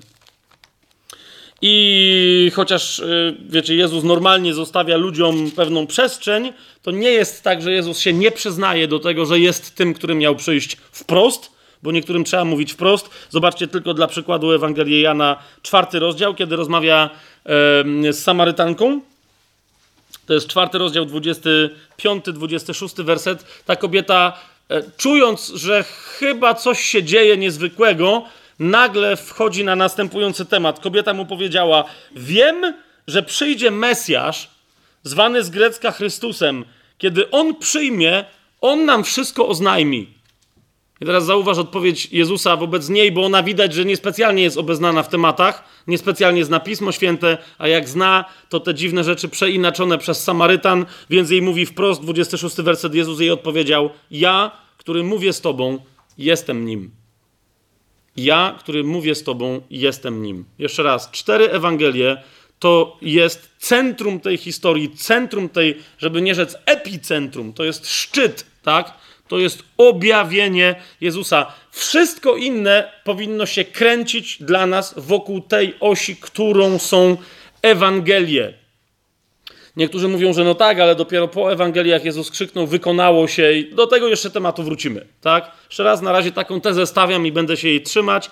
To jest dla nas epicentrum wszystkiego, całego wszechświatowego trzęsienia ziemi przynoszącego życie. To są Ewangelie. I w tym kontekście mamy dzieje apostolskie. Skoro Chrystus się objawił, zauważcie, bardzo interesujące, Chrystus się objawił, ale postanowił, że następnie będzie głoszony i objawiany tylko i wyłącznie przez wybranych przez siebie świadków którzy głosząc innym rodzą ich do nowego życia, ci stają się świadkami i idą dalej, ale na początku Jezus objawił się tylko wybranym ludziom. Zauważcie, Jezus nie pojawił się, nie objawił się po swoim zmartwychwstaniu. Nie wiem, czy zwróciliście na to kiedykolwiek uwagę. Jezus nie objawił się niewierzącym. W ogóle. Tak? Objawił się apostołom, objawił się uczniom. Jak Paweł w pewnym momencie mówi, objawił się ponad 500 braciom, braciom jednocześnie, ale wszystkim, którzy byli, e, którzy byli wierzący.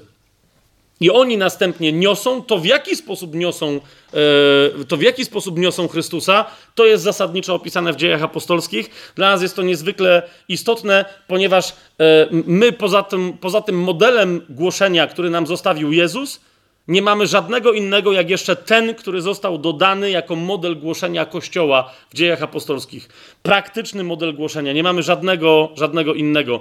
Pewne aspekty są poruszone w listach apostolskich, tak? Ale to, jak się głosi Jezusa, jak on został, yy, jak wieść o nim się rozchodziła, pochodzi z dziejów apostolskich. Zobaczcie, dzieje apostolskie szybciutko, pierwszy rozdział bo potrzebujemy na każdą taką tezę, potrzebujemy dowodu. Zobaczcie, dzieje apostolskie zaczynają się od obietnicy, pierwszy rozdział, yy, ósmy werset, yy, zaczynają się od obietnicy, że przyjdzie Duch Święty. Jezus mówi, przyjmiecie moc Ducha Świętego, który zstąpi na was. Po co? Żebyście mi byli, mówi, będziecie mi świadkami w Jerozolimie, w całej Judei, w Samarii i aż po krańce ziemi. Tak? Jeszcze raz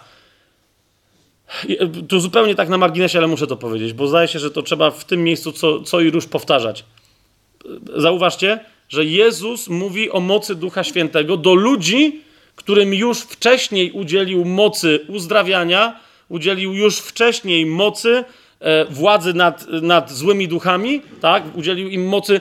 Pamiętacie, jak im mówi, nie, nie z tego się cieszcie, że macie władzę deptać po wężach i po skorpionach, tak? Ale że wasze imiona są zapisane w niebie. Jeszcze raz Władza i moc związana z imieniem Jezus, z Jego obecnością, dająca możliwość znaków, o których Jezus mówi na przykład na końcu Ewangelii Marka, to jest coś innego. Jezus tutaj mówi, że to jest jeszcze większa moc, że ta moc uzdalnia człowieka, żeby był Jezusowym świadkiem, żeby był Jezusowym martyrem, takim świadkiem, że się nie cofnie, nawet jeżeli będą go chcieli zabić, kiedy będzie świadczył o Chrystusie.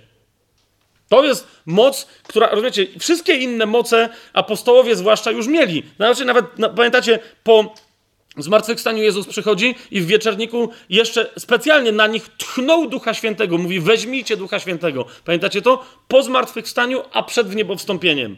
A tutaj mówi, ale jeszcze jest jedna rzecz. To dopiero Duch Święty, kiedy przyjdzie, On z was zrobi świadków Cała reszta tej mocy, którą ode mnie macie, to jest jeszcze nic. On was uczyni świadków i jako świadkowie macie iść aż po krańce ziemi. Zobaczcie, jest tu jasno pokazany plan Jerozolima, Judea, Samaria i aż po krańce ziemi. Jak się to stało? Dzieje apostolskie 8.1, bo oni tam się troszeczkę rozsiedli w tej Jerozolimie ale w pewnym momencie został zabity Szczepan, wtedy rozpoczęło się w Jerozolimie prześladowanie. I co mamy napisane, a Szaul zgodził się na zabicie go, czyli Szczepana. I w tym czasie zaczęło się wielkie prześladowanie kościoła w Jerozolimie i wszyscy oprócz apostołów rozproszyli się po okolicach Judei i Samarii, tak? Więc, więc mamy już Jerozolimę, Judeę, Samarię, No i teraz jest pytanie, jak to miało pójść aż po krańce ziemi. Najpierw, no na przykład chrześcijanie, nie, jeszcze nie chrześcijanie, najpierw nasi bracia i siostry trafili na przykład do Antiochii. Zobaczcie sobie 11 rozdział, wersety 18-19. Najpierw Ewangelia trafiła do pogan, bo to nie było oczywiste. Świadczy o tym Piotr i inni bracia wobec tych, którzy byli zebrani w Jerozolimie. Mówi, usłyszawszy to, co Piotr mówił o tych poganach, uspokoili się i chwalili Boga, mówiąc, a więc i poganom dał Bóg pokutę ku życiu. Lecz ci, których rozproszyło prześladowanie, jakie wybuchło z powodu Szczepana, dotarli aż do Fenicji, na Cypr i do Antiochii, nie głosząc Słowa Bożego nikomu, tylko Żydom. No ale później wiemy, że w Antiochii ten sam 11 rozdział, zobaczcie 26 werset, jak Barnaba znalazł Szawła i ściągnął go do Antiochii, tam się zaczęły dziać fantastyczne rzeczy. 26 werset 11 rozdziału dziejów apostolskich mówi, że kiedy go znalazł, przeprowadził go do Antiochii. Przez cały rok zbierali się z tym kościołem i nauczali, nauczali wielu ludzi. W Antiochii też po raz pierwszy uczniów nazwano chrześcijanami. Tu dopiero, 11 rozdział dziejów apostolskich, mamy, mamy pierwszych chrześcijan. Ci wcześniej nawet nie wiedzieli, że tak, się, że tak się nazywali. I ci idą dalej, i dalej, i dalej. Pytanie brzmi, gdzie idziemy my? Jeżeli my dziś czujemy, że nigdzie nie idziemy, że nigdzie nie rozgłaszamy dalej, to prawdopodobnie dlatego, że, że nie rozumiemy tego, co Pan nas nauczył na temat głoszenia Chrystusa w dziejach apostolskich. Po prostu. Potrzebujemy wracać do dziejów, potrzebujemy konfrontować nasz stan naszego dzisiejszego kościoła i naszej dzisiejszej ewangelizacji z dziejami apostolskimi. Więc Ewangelie to jest objawienie się Chrystusa, dzieje apostolskie to jest głoszenie Chrystusa dalej. Listy apostolskie są skoncentrowane na tym, jak ten głoszący Kościół, każdy i każda z nas w tym kościele ma się stać Chrystusem. Ma się stać Chrystusem, ma dopełnić w sobie miary Bożej doskonałości. Zobaczcie, Galacjan 4:19, chociażby nie będziemy w ogóle tego tematu rozważać, bo, bo on jest na, na kiedy indziej Galacjan 4:19. Zobaczcie, co pisze do Galacjan yy, Paweł. Moje dzieci, które znowu w bólach rodzę, aż Chrystus w was się ukształtuje. To jest jedna rzecz, tak? Nie ma niczego ważniejszego w życiu chrześcijanina, jak to, żeby w nim się Chrystus ukształtował, w jego kościele, w którym się aktualnie, lokalnie znajduje, żeby tam się Chrystus ukształtował. Tak? Filipian 3 i, i, więcej, i więcej nie będziemy czytać. Filipian 3:8 Paweł mówi: Owszem, wszystko uznaję za stratę dla znakomitości poznania Chrystusa Jezusa, mojego Pana, dla którego wszystko utraciłem i uznaję to za gnój, aby tylko zyskać Chrystusa. Okay? To, to, to, jest, to jest to. Chrystus przyszedł, objawił się, jest wszędzie głoszony, ale kto już go przyjął, ten ma się nim przejąć do końca, tak żeby w pewnym momencie mógł powiedzieć to sławne z Galacjan z drugiego rozdziału. Już nie ja żyję, ale żyje we mnie yy, Chrystus. I teraz ostatni, ostatnia, ósma część całej Biblii. Oczywiście ta część, wiecie, się przewija w listach apostolskich, tak? Ale ona jest w pełni wyrażona na samym końcu w objawieniu Janowym, czyli Chrystus, który się objawił, Chrystus, który jest głoszony, Chrystus, który, który jest w nas, tajemnica Chrystusa, Chrystus zamieszkujący w nas, nadzieja chwały, on w pewnym momencie wróci na tę ziemię. I teraz, i teraz Księga Objawienia mówi e, o Chrystusie, który przyjdzie, który przyjdzie, żeby wszystko wreszcie dla siebie zagarnąć, nas, żeby z sobą w, absolutnej komunii, żeby nas połączyć. Księga Objawienia, pierwszy rozdział, siódmy i ósmy werset. Tam misja tej, tej ostatniej części Biblii jest, jest, jest wyrażona. O Jezusie jest powiedziane, oto przychodzi z obłokami i ujrzy go wszelkie oko, także ci, którzy go przebili i będą lamentować przed nim wszystkie plemiona ziemi. Tak, amen. I teraz sam Chrystus nadchodzący mówi: Ja jestem Alfa i Omega, początek i koniec, mówi Pan, który jest i który był i który ma przyjść, wszechmogący. I w czwartym, e, w czwartym rozdziale mamy jeszcze raz, bo tam wcześniej drugi, trzeci rozdział mamy listy do kościołów i na temat ich stanu, chociaż one o nas też mówią, ale w czwartym rozdziale jest jeszcze raz powtórzone, po co jest napisana ta księga i ta część Biblii.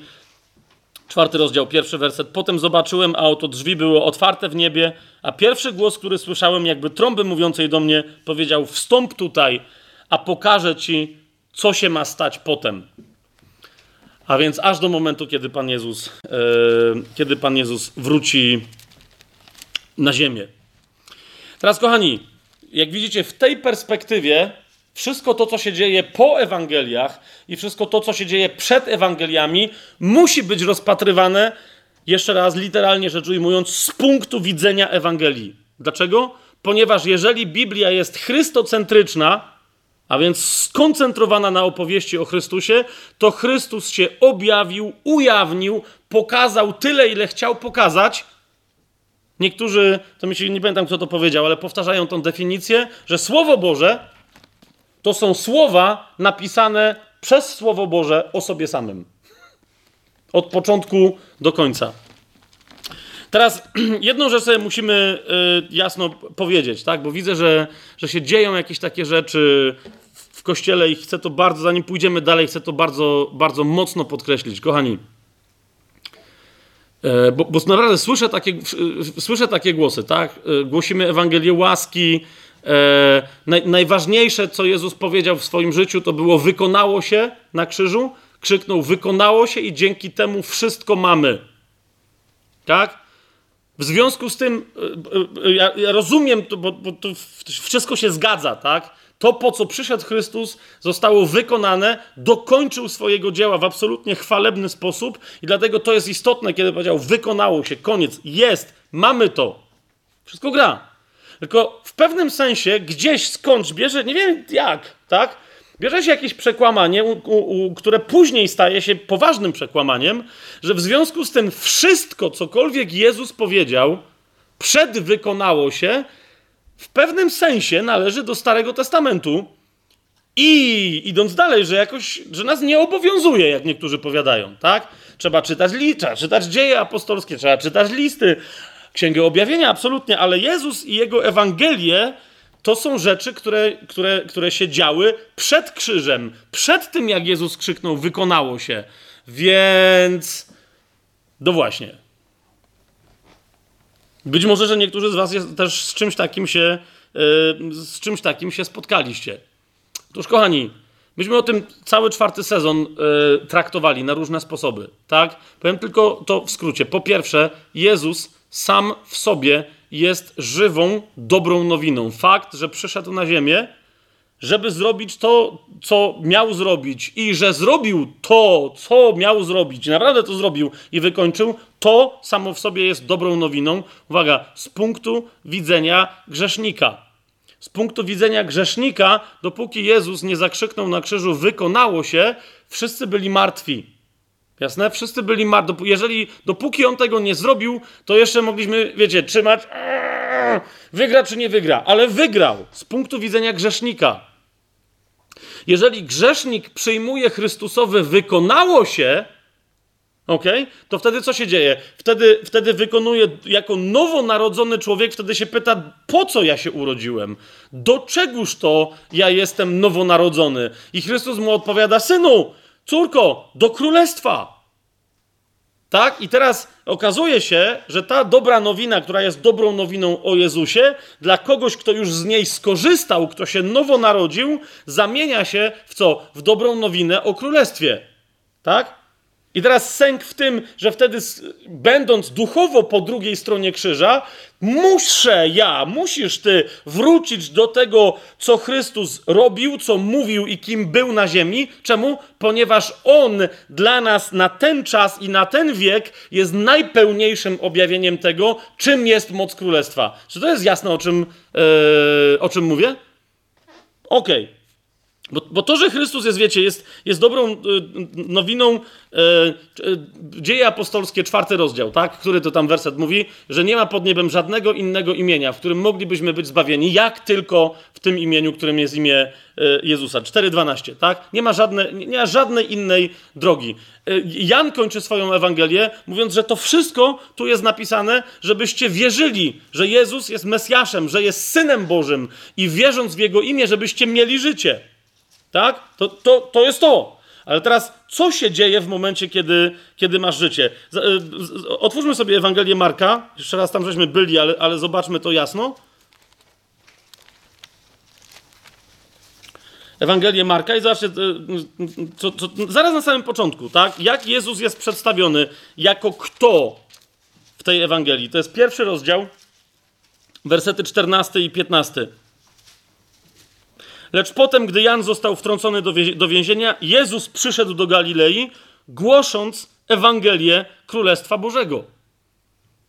I mówiąc, wypełnił się czas i przybliżyło się Królestwo Boże. Pokutujcie i wierzcie tej dobrej nowinie.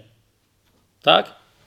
On jest tym, który głosi Ewangelię, yy, który głosi Ewangelię Królestwa, yy, Królestwa Bożego. Otwórzmy sobie Łukasza,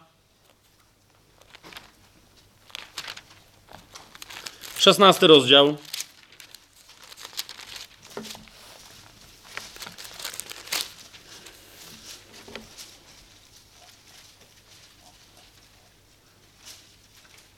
Szesnasty werset. Bardzo istotny, bardzo istotny fragment. Zauważ, zauważ, co mówi Jezus. Kiedy się kończy stare przymierze? Stare przymierze nie kończy się wraz z zakrzyknięciem przez Jezusa wykonało się. Stare przymierze kończy się z przyjściem Chrystusa. Z objawieniem się Jego przyjścia. Zobacz, 16 rozdział Łukasza, 16 werset. Prawo i prorocy, to Pan Jezus mówi, byli do Jana. Odtąd jest głoszone Królestwo Boże i każdy się do niego gwałtem wdziera. Ok? Ewangelię Mateusza sobie otwórzmy, 11 rozdział. 11 rozdział, 13 werset. Jeszcze raz, bo wszyscy prorocy i prawo prorokowali aż do Jana. Wszyscy prorocy i prawo prorokowali aż do Jana. I jeszcze raz powtórzę za Łukasz 16:16, 16, a odtąd głosi się Królestwo Boże. Jasne jest to, co mówię? Teraz widzisz, e, to jest tak, przychodzi Jezus, ma pewien deal do załatwienia. Rozumiesz, on już ma ustalone rzeczy z Ojcem, tak? Jeżeli załatwimy to, to, to i to, to wtedy szatan będzie zniszczony tak, tak, tak i tak. Ok?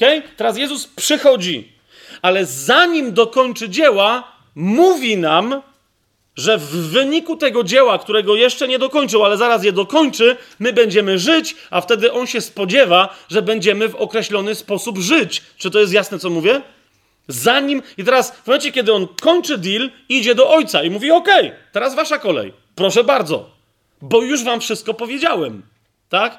Nie, nie musi tu być takiej chronologii, że najpierw Jezus załatwia deal, a potem nas uczy, co z tego wynika. On zrobił odwrotnie. Okay? Odtąd Jezus mówi, nie po krzyżu, ale odtąd głosi się królestwo, e, królestwo Boże. Kto ma syna, mówi słowo, ma życie. I teraz zauważ, co z tego wynika. Chciałbym, żebyśmy sobie szybko przeszli pewnym ciągiem myślowym, który, który w Biblii jest dosyć mm, e, oczywisty, ale mam wrażenie, że właśnie nie dość oczywisty. Otwórz sobie, e, mm, otwórzmy sobie list, pierwszy list Jana, piąty rozdział. Zobacz, jedenasty werset do trzynastego. A świadectwo jest takie, że Bóg dał nam życie wieczne, a to życie jest w Jego Synu. Kto ma syna, ma życie. Kto nie ma syna Bożego, nie ma życia. To napisałem wam, którzy wierzycie w imię Syna Bożego, abyście wiedzieli, że macie życie wieczne i abyście wierzyli w imię Syna Bożego. Prosta rzecz. Przez wiarę, łaską jesteście zbawieni przez wiarę. Przez wiarę w Syna Bożego mamy życie. Amen? Okej, okay. i teraz mamy osiemnasty werset, zauważ co z tego wynika. Wiemy, że każdy, kto się narodził z Boga, nie grzeszy. Ale kto się narodził z Boga, zachowuje samego siebie, a zły go nie dotyka. I teraz o tym my mówimy. Tak? Łaska w nas nie tylko działa po to, żeby się urodzić na nowo, ale działa dalej, żebyśmy urodzeni na nowo nie dali się dotknąć złemu. Wiecie o co? I teraz ta, jak to zrobić? Jak, jak rozeznawać? Jak toczyć tę walkę przeciwko ciału? To do tego potrzebujemy Jezusa i do tego potrzebujemy Jego Ewangelii. Zobacz ten sam pierwszy list Jana, drugi rozdział. Zobacz wersety 15, 16 i 17. Jan mówi wyraźnie, tak? Do tych, którzy są narodzeni na nowo z ducha. Mówi, nie miłujcie świata, ani tego, co jest na świecie. I przypomina mu, jeżeli ktoś miłuje świat, nie ma w nim miłości Ojca. Więc się potem, rozumiecie, nie, niektórzy niech się nie dziwią, chrześcijanie, tak? Że, że nagle im się kończy doświadczenie miłości. Mówią, a to była pierwsza miłość, taki flirczyk, a teraz Bóg mnie zostawił na pustyni. Kto kogo zostawił gdzie? Tak? Nie miłujcie świata. Jak zaczynasz miłować się ze światem, to automatycznie ty odrzucasz ojca, a nie on ciebie. Wszystko bowiem, dalej czytam, wszystko bowiem, co jest na świecie, porządliwość ciała, porządliwość oczu i pycha żywota, nie pochodzi od ojca, ale od świata. A świat przemija wraz ze swoją porządliwością. Natomiast kto wypełnia, kto wypełnia wolę Boga, ten trwa na wieki. Więc rozumiesz, tu chodzi nie o tak prostą rzecz, która się wszystkim należy, bo Chrystus przyszedł, żeby wszyscy byli zbawieni i doszli do poznania prawdy, jak w innym miejscu mówi słowo, tak? Ale chodzi o to, żeby ci, którzy są zbawieni, teraz, korzystając dalej z łaski, stali się uświęceni. Otwórzmy sobie list do Galacjan, szósty rozdział.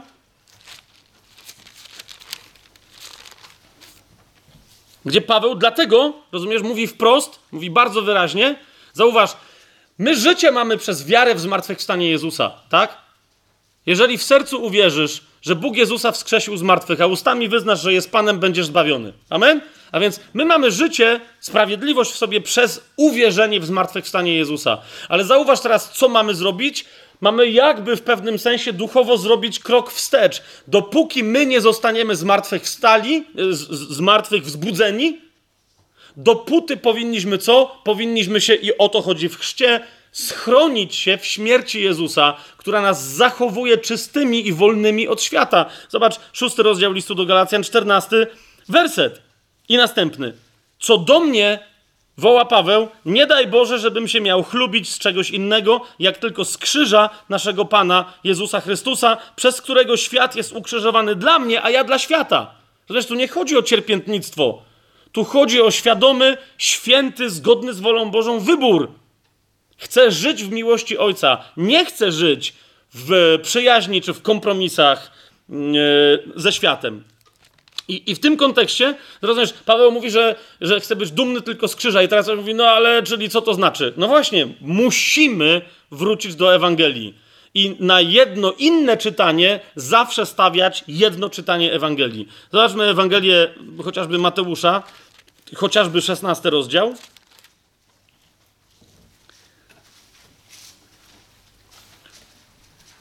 Wersety 24 i, i, i dalej.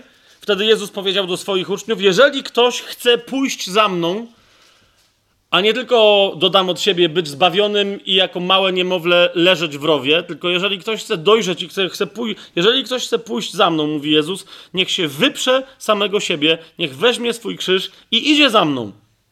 Bo kto chce zachować swoje życie, straci je, a kto straci swoje życie z mojego powodu, znajdzie je.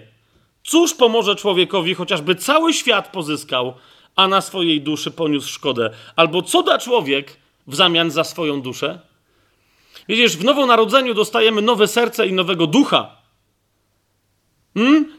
Dzięki nim mamy dostęp do łaski Bożej, ale to naprawdę od nas zależy, czy chcemy w tej łasce postępować i czy przy pomocy tej łaski chcemy dotknąć naszych, nasze dusze i w ten sposób zwyciężyć nasze ciała starego człowieka. W tej, w tej samej Ewangelii Mateusza, w siódmym rozdziale, dlatego Pan Jezus pokazuje, mówi, to jest, bo nadal mówię, ale jak to zrobić? Jak się zaprzeć? Jak, Panie Jezu? Okej, okay, to już do mnie dociera, teraz jak to zrobić? Siódmy rozdział, zobacz, 24 werset, Jezus mówi jasno. I mówi naprawdę jasno, nie jest jedyny moment, ale tylko podaje jeden z wielu przykładów. Jezus mówi jasno, siódmy rozdział, 24 werset. Każdego więc, uważaj, kto słucha tych moich słów. Rozumiesz, dlaczego potrzebujemy Ewangelii? Listy, to jest całe wszystko natchnione przez, natchnione przez ducha. Amen, aleluja. Ale jeszcze raz zauważ, co mówi Jezus. Każdego, kto słucha tych moich słów i dwa, i wypełnia je. Nie tylko wie, że jest napisane, nie tylko potrafi mi z pamięci zacytować i jest cwaniakiem i wygrywa wszystkie olimpiady biblijne, tak? Ale Każdego, kto słucha tych moich słów i wypełnia je, przyrównam do człowieka mądrego, który zbudował swój dom na skale. Spadł deszcz, przyszła powódź, zerwały się wichry i uderzyły w ten dom, ale się nie zawalił, bo był założony na skale. Jezus mówi. I dlatego na samym końcu tej samej Ewangelii, że już tylko u Mateusza zostaniemy, zauważ? Zauważ, gdzie my jesteśmy dziś z chrześcijaństwem. Dlaczego być może e, Ewangelie wszyscy mówią, że tak, to jest świętość i je stawiają, wiesz, na piedestale, ale następnie niespecjalnie je czytają. Ok? Zauważ dlaczego. Jezus na końcu mówi Ewangelii Mateusza 28 rozdział, yy, mówi, no to jak już mnie znacie, jest z wami moja moc. Tak? Wcześniej mówi, że dana mi jest wszelka władza na niebie i na ziemi. I mówi tak, to teraz idźcie, to jest 19 i 20 werset, idźcie i nauczajcie wszystkie narody. Nauczajcie w jaki sposób. Jezus mówi o dwóch rzeczach, popatrz. Chrzcząc je w imię Ojca i Syna i Ducha Świętego i dwa, co? Ucząc je przestrzegać wszystkiego, co wam przykazałem. Jak nie znasz Ewangelii, jak, jak nie wiesz, co Jezus przykazał, a następnie jak sam żył według tego, co przykazał, to jak ty masz przestrzegać tego, a, a tym bardziej jak ty masz iść do kogoś innego i uczyć jego, jak przestrzegać czegoś, czego sam nie przestrzegasz. Tak? Więc jeszcze raz. Rozumiecie, jeszcze raz. My, my, my mamy, super, ale, ale, ale myślę, że czas najwyższy, żeby wszyscy, którzy się narodzili na nowo, wreszcie skończyli z pławieniem się w tych cudownych informacjach, co to my mamy od Chrystusa i co mnie się należy od Chrystusa i kim jestem ja, ja, ja w Chrystusie, jak wielki jestem ja, ja, ja, jak bardzo jestem kochany ja, ja, ja, tylko wreszcie, żebyśmy się skoncentrowali w odrobinie chociażby wdzięczności na tym, jak wspaniały, wielki i godzien miłości ten, który dla mnie to wszystko, i żebyśmy nie tylko brali od Niego, ale żebyśmy wreszcie zaczęli Jemu coś dawać. A On chce tylko jednego. Żebyśmy w Nim zanurzeni żyli według tego, co On nam przykazał. Amen? Okej. Okay. Teraz szybciutko yy, jeszcze trzy punkty. Nie będę tego rozwijał, bo to przy, przy, przy Ewangeliach będziemy tego mieli wiele. Ale rozumiecie, to jest to. To jest centrum, Ewangelie. To jest centrum. Teraz pytanie brzmi, dlaczego cztery Ewangelie? Kolejny punkt, który, który zapowiedziałem. Yy, I w zasadzie trochę sobie już odpowiedziałem, tak? Jeżeli to jest tak ważne, jeżeli to jest tak ważne, no to dlatego cztery Ewangelie. Ale okej, okay, posłuchajmy, chcę, żebyśmy posłuchali samego Pana Jezusa i w tym kontekście trochę, trochę nam to lepiej zabrzmi. Yy, zacznij Ewangelię Jana, ósmy rozdział. 17 werset i następne. Jezus do faryzeuszy mówi coś takiego. Mówi, w waszym prawie jest napisane, to jest ósmy rozdział Jana, 17 werset i następne. Mówi tak, w waszym prawie jest napisane, że świadectwo dwóch ludzi jest prawdziwe. Ja jestem tym, który świadczy sam o sobie i świadczy o mnie ojciec, który mnie posłał. Wtedy zapytali go, gdzie jest twój ojciec? Jezus odpowiedział im, nie znacie ani mnie, ani mojego ojca. Gdybyście mnie znali, znalibyście i mojego Ojca. Więc istotne, żeby znać Ojca, istotną rzeczą jest znać Jezusa. Po to czytamy Ewangelię. Nie tylko, żeby wiedzieć, co On mówił, ale jak wyglądał, jak się zachowywał, co On robił, jak reagował w konkretnych sytuacjach. Żeby Duch Święty nam to objawiał i pozwalał nam stawać się takimi, takimi jak On.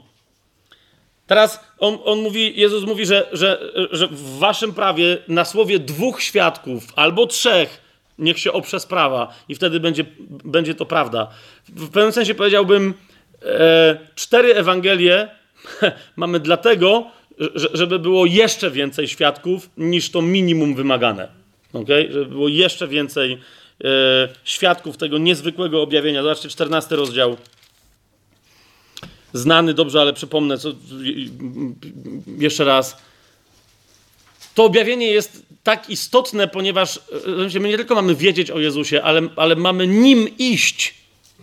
W liście do Hebrajczyków powiedziane, że, że, że przez Jego ciało, ciało mamy drogę nową i żywą i skuteczną, przez, na, na którą wchodząc mam, mamy coś w ogóle niewyobrażalnego w, kiedykolwiek. Mamy śmiały przystęp do Ojca przez Chrystusa.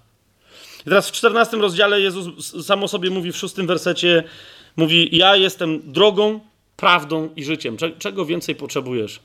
Czego więcej? Mówi, ja jestem drogą, prawdą i życiem.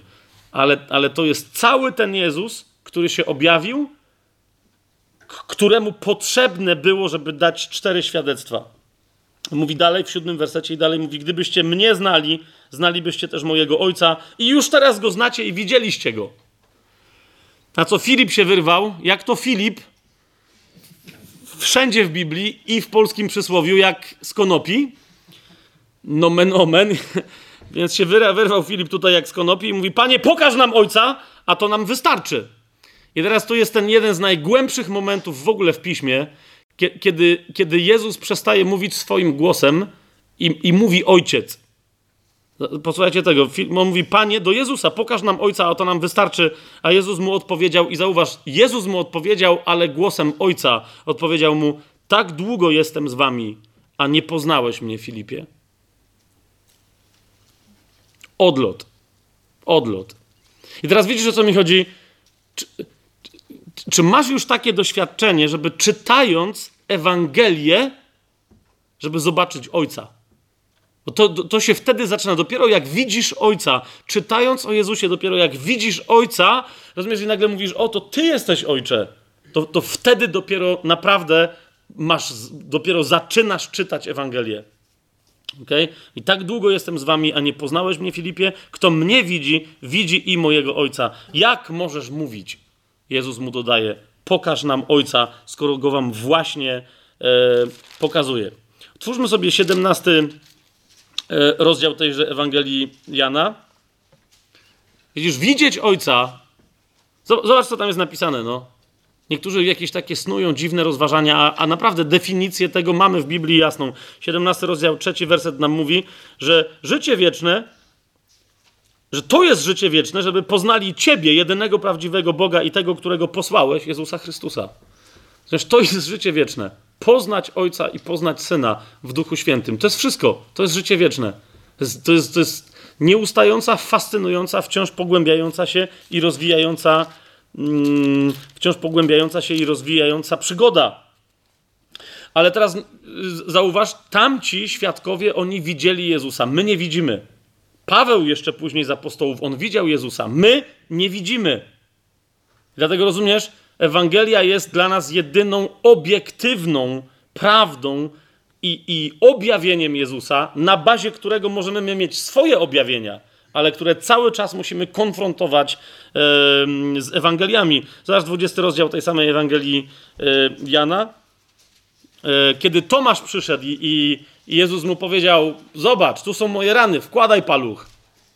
Swoją drogą, czytajcie uważnie, bo ostatnio miałem taką rozmowę, ktoś mi tam mówił, że palec e, wkładał e, w rany Jezusa Tomasz. Zauważcie, że nie ma na ten temat ani słowa. Tomasz miał taką możliwość, ale ewidentnie w tekście tekst nam pokazuje, że raczej z niej zrezygnował. Tak, tak się przejął, widząc to, to, co widział. I mówi, że wierzę, wierzę, wierzę. I zobacz, co teraz Jezus powiedział. I, I teraz, rozumiesz, w tym tekście Jezus mówi o tobie i Jezus mówi o mnie. Sensacja. Sensacja za sensacją. Jezus mu powiedział: Tomaszu, uwierzyłeś, ponieważ mnie ujrzałeś. Szczęśliwi wszakże, którzy nie widzieli, a uwierzyli. Wiara rodzi się ze słuchania, a tym, co się słucha, jest przez Słowo Boże. Tak? Najważniejsze Słowo Boże, żeby uwierzyć przez wiarę, rozpoznać Jezusa, a w Jezusie zobaczyć Ojca, to jest, jeszcze raz powtarzam, czytać Ewangelię, studiować Ewangelię, modlić się nad Ewangeliami. Zobaczcie, pierwszy Piotra, yy, tam szybciutko tylko przeskoczymy, ale to jest uwaga, która według mnie jest genialna na ten temat. Piotr to widzi, Piotr to wie, Piotr jest tym zachwycony. Widzi ludzi, on znał Jezusa, on go dotykał, tak? A tu widzi ludzi, którzy nic nie widzieli. I nie tylko, że rozpoznali Chrystusa, ale go umiłowali. Zobaczcie, co mówi w pierwszym e, Piotra, w pierwszym e, rozdziale, w ósmym wersecie. Mówi, a chociaż go nie widzieliście, miłujecie. Wow! Jak ja bym chciał, żeby mi tak apostoł Piotr napisał, a chociaż go nie widziałeś, to go miłujesz. A chociaż go nie widzieliście, miłujecie i w niego, choć teraz go nie widzicie, wierzycie i cieszycie się radością niewysłowioną i pełną chwały. Czy to jest nasze doświadczenie w dzisiejszym chrześcijaństwie, że my, nie widząc Jezusa, miłujemy Go i chociaż Go nie możemy zobaczyć, to w Niego wierzymy i cieszymy się radością niewysłowioną i pełną chwały? Jeszcze raz, potrzebujemy, tak jak cztery Ewangelie są w centrum tej chrystocentrycznej opowieści, potrzebujemy mieć cztery Ewangelie w centrum naszego studium biblijnego, w centrum naszej modlitwy i w centrum wzoru dla naszego, dla naszego życia. Rozumiecie? Tam jest opisane. Otwórzmy sobie list do Hebrajczyków. Naprawdę, to będzie krótko, ale po prostu, no. Y, nie mogę się powstrzymać. Pierwszy rozdział. Zobaczcie, co, co, co jest. Dwa tylko fragmenty wam przeczytam, tak? Zobaczcie, zobaczcie co, się, co się dzieje dzisiaj z nami. Jak my to dla nas takie, okej, okay, no to co czytam, słyszę przecież w zborze, tu mi pastor coś przeczytał. Zobacz, co się dzieje. Pierwszy rozdział yy, do Hebrajczyków od pierwszego wersetu czytam. Bóg, który wielokrotnie i na różne sposoby przemawiał niegdyś do ojców przez proroków. Patrz, jak jest wielu chrześcijan, którzy zazdroszczą prorokom, że, że, że oni by chcieli mieć jakieś doświadczenia Eliasza, Izajasza, kogoś tam, jakichś królów dawnych, Salomona w tych ostatecznych dniach ten Bóg przemówił do nas przez swojego syna, którego ustanowił dziedzicem wszystkiego, przez którego też stworzył światy. I tak dalej, yy, i tak dalej, i tak dalej. I teraz otwórzmy sobie Łukasza 10 yy, rozdział. Otwórzmy sobie Łukasza 10 rozdział. Zobacz, co tam Jezus mówi do, do swoich uczniów. To jest 10 rozdział, 22 werset. 23 i 24. Tak? Bóg przemawiał przez proroków, ale w pewnym momencie przemówił przez syna. I patrz, co syn mówi. 20, 10 rozdział Łukasza od 22 wersetu. Wszystko zostało mi przekazane od mojego ojca, i nikt nie wie, kim jest syn, tylko ojciec, ani kim jest ojciec, tylko syn, i ten, komu syn zechce objawić. I wtedy zauważ, bo Jezus to mówi gdzieś tam mówi, ale wtedy się odwrócił, zobacz, wtedy odwrócił się do uczniów i powiedział do nich na osobności. To jest słowo także do ciebie, to jest słowo do mnie, za, za chwilę to wyjaśnię. Powiedział do nich na osobności: Błogosławione oczy, które widzą to, co wy widzicie. Dlaczego? Bo mówię wam, że wielu proroków i królów pragnęło widzieć to, co wy widzicie, a nie zobaczyli, i słyszeć to, co wy słyszycie, a nie usłyszeli. Wielu proroków i królów. I teraz wy powiecie, no dobra, ale my nie widzimy. Ale rozumiesz, jeżeli Jezus powiedział, błogosł... zauważ, mówi, błogosławione oczy, które to widzą, a potem powiedział, to, to powiedziałbym, powiedział, jeszcze bardziej błogosławieni ci, którzy nie widzieli, a uwierzyli. Rozumiesz, że w Słowie Bożym, w Ewangeliach zwłaszcza, w tym, w tym kontekście jest zawarta ta łaska, która przewyższa swoją drogocennością i bogactwem, Rozumiesz, coś, co mieli prorocy i królowie, mędrcy, wszyscy, których masz opisanych w Starym Przymierzu, aż do Jana Chrzciciela. Masz to w zasięgu ręki, w zasięgu duchowej ręki w Ewangeliach. Ok? W Ewangeliach. Pierwszy Jana. Otwórzmy sobie. Pierwszy Jana. To jest doświadczenie, które mieli apostołowie, ale chodzi mi o to, i to mówię teraz do ciebie, i to mówię do siebie, że to jest coś, to jest postawa, to jest doświadczenie, którego my mamy szukać przez Ewangelię. To są Ewangelie. Rozdział pierwszy Ewangelii Jana, pierwsze trzy wersety. Tam mówi, e, mówi, mówi e, Jan w następujący sposób. To, co było od początku, co słyszeliśmy, co widzieliśmy na własne oczy, na co patrzyliśmy i czego dotykały nasze ręce. O słowie życia, bo życie zostało objawione, a my je widzieliśmy i świadczymy o nim i zwiastujemy wam to życie wieczne, które było u Ojca, a nam zostało objawione? Jeszcze raz wraca do myśli, mówi: To, co widzieliśmy i słyszeliśmy, to wam, to wam zwiastujemy. To mówi Jan, który napisał jedną z Ewangelii. Mówi: To wam zwiastujemy. Po co? Abyście i wy mieli z nami społeczność, a nasza społeczność to społeczność z Ojcem i z Jego Synem Jezusem Chrystusem. Rozumiesz? Jan mówi, myśmy dotykali Jezusa. Patrząc na Niego widzieliśmy Ojca i Ojciec do nas fizycznie powiedział, tak długo, tak długo jestem z wami i jeszcze, jeszcze mnie nie rozpoznaliście? Jeszcze mnie nie poznałeś, Filipie? A Jan mówi, że my wam zwiastujemy to wszystko, żebyście mieli, mieli takie samo doświadczenie i doszli do takiej samej społeczności, jaką my, apostołowie, ja, Jan, teraz mam z Ojcem i z Jego Synem Jezusem Chrystusem. Rozumiesz? Jak robimy wprowadzenie teraz i cały ten sezon będziemy mówili o Ewangeliach, to niezależnie od tego, co będziemy mówili o tych Ewangeliach, pamiętaj, to jest to, o co chodzi w studium, w czytaniu Ewangelii. W, nie wiem, nawet jak się ktoś uczy na pamięć albo po prostu nie, modli, cokolwiek tam robi z tymi Ewangeliami, to jest to, o co chodzi. Mieć taką społeczność z ojcem i z synem, do jakiej się przyznaje Jan, który, który mówi: Życie zostało objawione, my je widzieliśmy, to co widzieliśmy, to co słyszeliśmy, czego dotykaliśmy, o tym świadczymy. To jest nasza społeczność. Teraz. E, krótko tylko, to, to, bo to mamy jeszcze jedną ważną, e, dosyć ważną rzecz. Mm, mianowicie e, mamy cztery Ewangelie. Niektórzy często się posługują takim określeniem, że, że niektóre z tych Ewangelii to są Ewangelie synoptyczne. I czasem przy tych opowieściach mówią o tym, że istniało też jakieś źródło ku. Szybko to sobie wyjaśnimy, żeby, żeby było, przynajmniej żeby było jasne, jakie jest moje stanowisko i już więcej, żebyśmy o tym nie rozmawiali. Otóż, mamy cztery Ewangelie, tak? Mateusza, Marka, Łukasza i Jana. I teraz co się okazuje? Że trzy z tych Ewangelii, Mateusza, Marka i Łukasza, są do siebie dosyć podobne. Teraz niektórzy dosyć zupełnie bezsensownie powiadają, że są w ogóle prawie takie same. To jest kompletnie, kompletnie nieprawda, ale są rzeczywiście dosyć podobne. I potem jest czwarta Ewangelia, Ewangelia Jana, która wy, wy, wydaje się być kompletnie inna e, od pozostałych, co też nie jest prawdą. Tak? Co też nie jest prawdą. Otóż te trzy Ewangelie, które są do siebie tak podobne, Mateusz, Marek i Łukasz to są Ewangelie synoptyczne. Dlaczego? Ponieważ w zasadzie od początku chrześcijaństwa, od chyba trzeciego wieku, tak, bo zdaje się, że Orygenes już robił tak zwaną synopsę, e, były robione porównania tych trzech Ewangelii. Synopsa to jest po prostu spojrzenie e, na całość czegoś, włącznie z tym, że była dołączana Ewangelia Jana, to jest, to jest rzucenie światła na całość i porównanie tej całości, co do czego pasuje. To jest synopsa. Jasne jest to, co mówię? I teraz, e, jak macie jakiś tekst w Ewangelii Mateusza, jakąś opowieść, jakieś zdarzenie, jakieś coś tam, to jest spore prawdopodobieństwo, że o tej samej rzeczy pisze także Marek i pisze także Łukasz. I można wtedy stworzyć synopsę, porównanie, co oni piszą na ten temat. Tylko teraz, kochani, nie dajmy się zwieść, tak?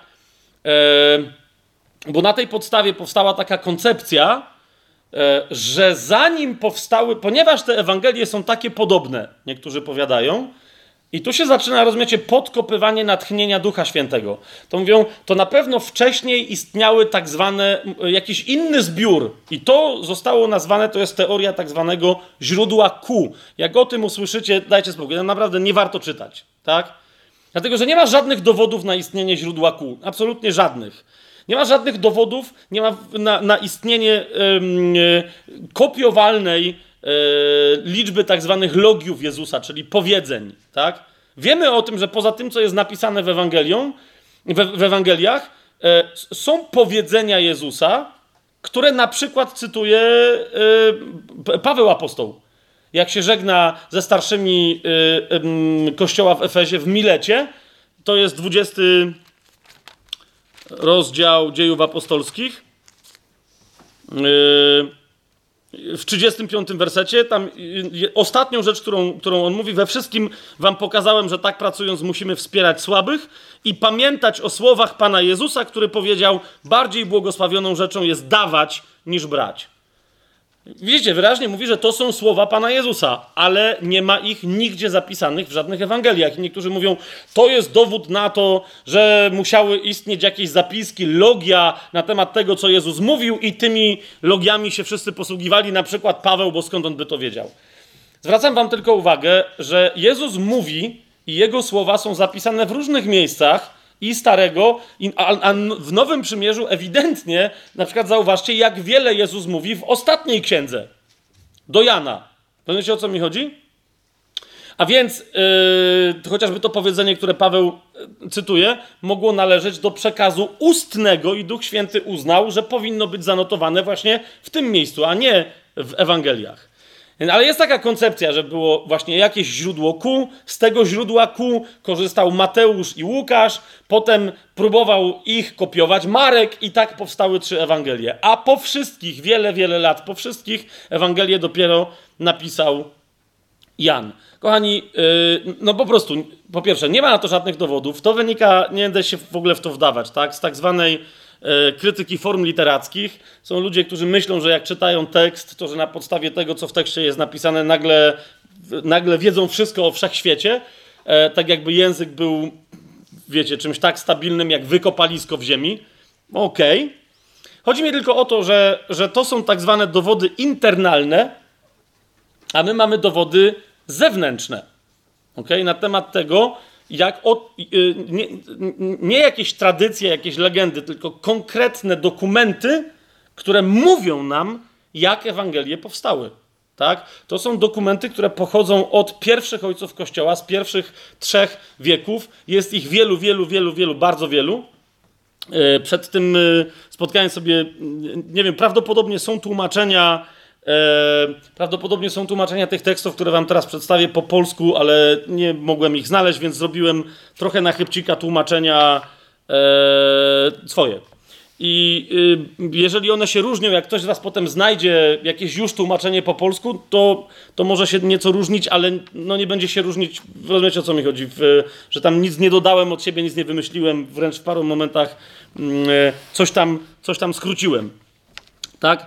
E, więc mamy rzeczywiście trzy Ewangelie synoptyczne, bo są do siebie bardzo podobne i jedną Ewangelię Jana, która się od tamtych różni, chociaż one wszystkie mówią o śmierci, o zmartwychwstaniu Pana Jezusa, włącznie z takimi szczegółami, jak, że było wypisane e, e, na, na, krzyżu, było, była wypisana jasno przez Rzymian jego wina, a tą winą było, że został rozpoznany jako król żydowski, tak? Więc macie masę rzeczy, rozmnożenie chleba i nakarmienie pięciu tysięcy i tak dalej, i tak dalej, i tak dalej. Podobnie jak, jak wiele, każda z Ewangelii ma rzeczy, które opisuje wyjątkowo i, i, ich nie znajdziecie w żadnej innej Ewangelii. Tak? To nie tylko Ewangelia Jana jest taka dziwna. Tylko na przykład Mateusz pisze, powiedzmy, na przykład o tym, że, mm, że, że, Maria z Józefem i z małym Jezusem, że uciekli do Egiptu i potem z Egiptu, z emigracji wrócili z powrotem do, do kraju, do, e, do Judy. Tylko Mateusz o tym pisze, tak? Tylko Marek zdaje nam, daje nam relację z tego uzdrowienia. Pamiętacie, kiedy Jezus uzdrawia niewidomego e, w dwóch fazach. Czyli, że on jest uzdrowiony, a Jezus mówi, jak tam? A on mówi, no widzę, ale ta, ludzi jakby byli drzewami, tak? I Jezus poprawia to uzdrowienie. Tylko Marek o tym, o tym mówi. Tylko Łukasz na przykład mm, dzieli się z nami przypowieścią e, o tak zwanym synu marnotrawnym, tak? Tylko Łukasz. Tylko Jan mówi o, o, wskrzeszeniu Łazarza. Rozumiecie? Wszyscy myślą, że to jest tak potężne wydarzenie, że musi być wszędzie opisane, potem sprawdzają i mówią, tylko Jan o tym pisze. Tak? Więc teraz chciałbym się z wami szybko podzielić yy, paroma fragmentami, które są niezwykle znaczące, które nam mówią, jak powstawały Ewangelie. Jest to świadectwo, to nie, to nie jest biblijne świadectwo, ale jest to wiarygodne świadectwo. Tak? Po pierwsze, Polikarpa, biskupa Smyrny, tej Smyrny wiecie, która jest jednym, y, do której został napisany jeden z listów y, w Apokalipsie. I to z tych czasów, kiedy Smyrna była prześladowana, papiasza, biskupa Hierapolis, które się znajdowało nie, niedaleko Laodycei, więc kolejnego miasta z tych siedmiu z Apokalipsy i Kolosów.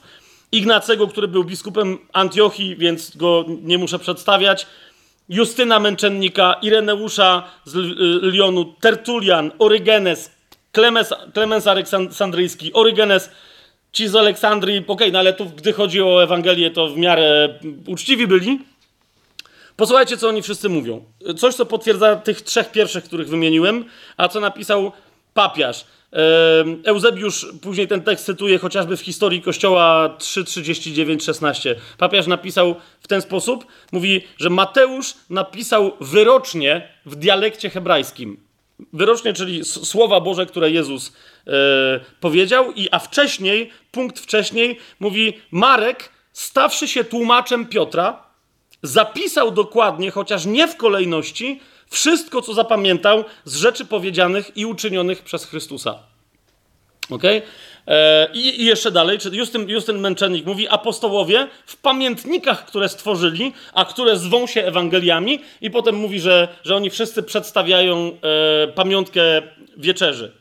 I później, to jest apologia pierwsza 66, i później w tej samej apologii pierwszej 67 punkt mówi, jaka była praktyka pierwotnego kościoła. Obczajcie spotkania pierwotnego kościoła. Mówi tak, w dzień zwany Dniem Słońca, czyli niedzielą, Wszyscy mieszkający w miastach i okolicznych ich wioskach gromadzą się w jednym miejscu i pamiętniki apostołów są czytane tak długo, jak czas pozwala.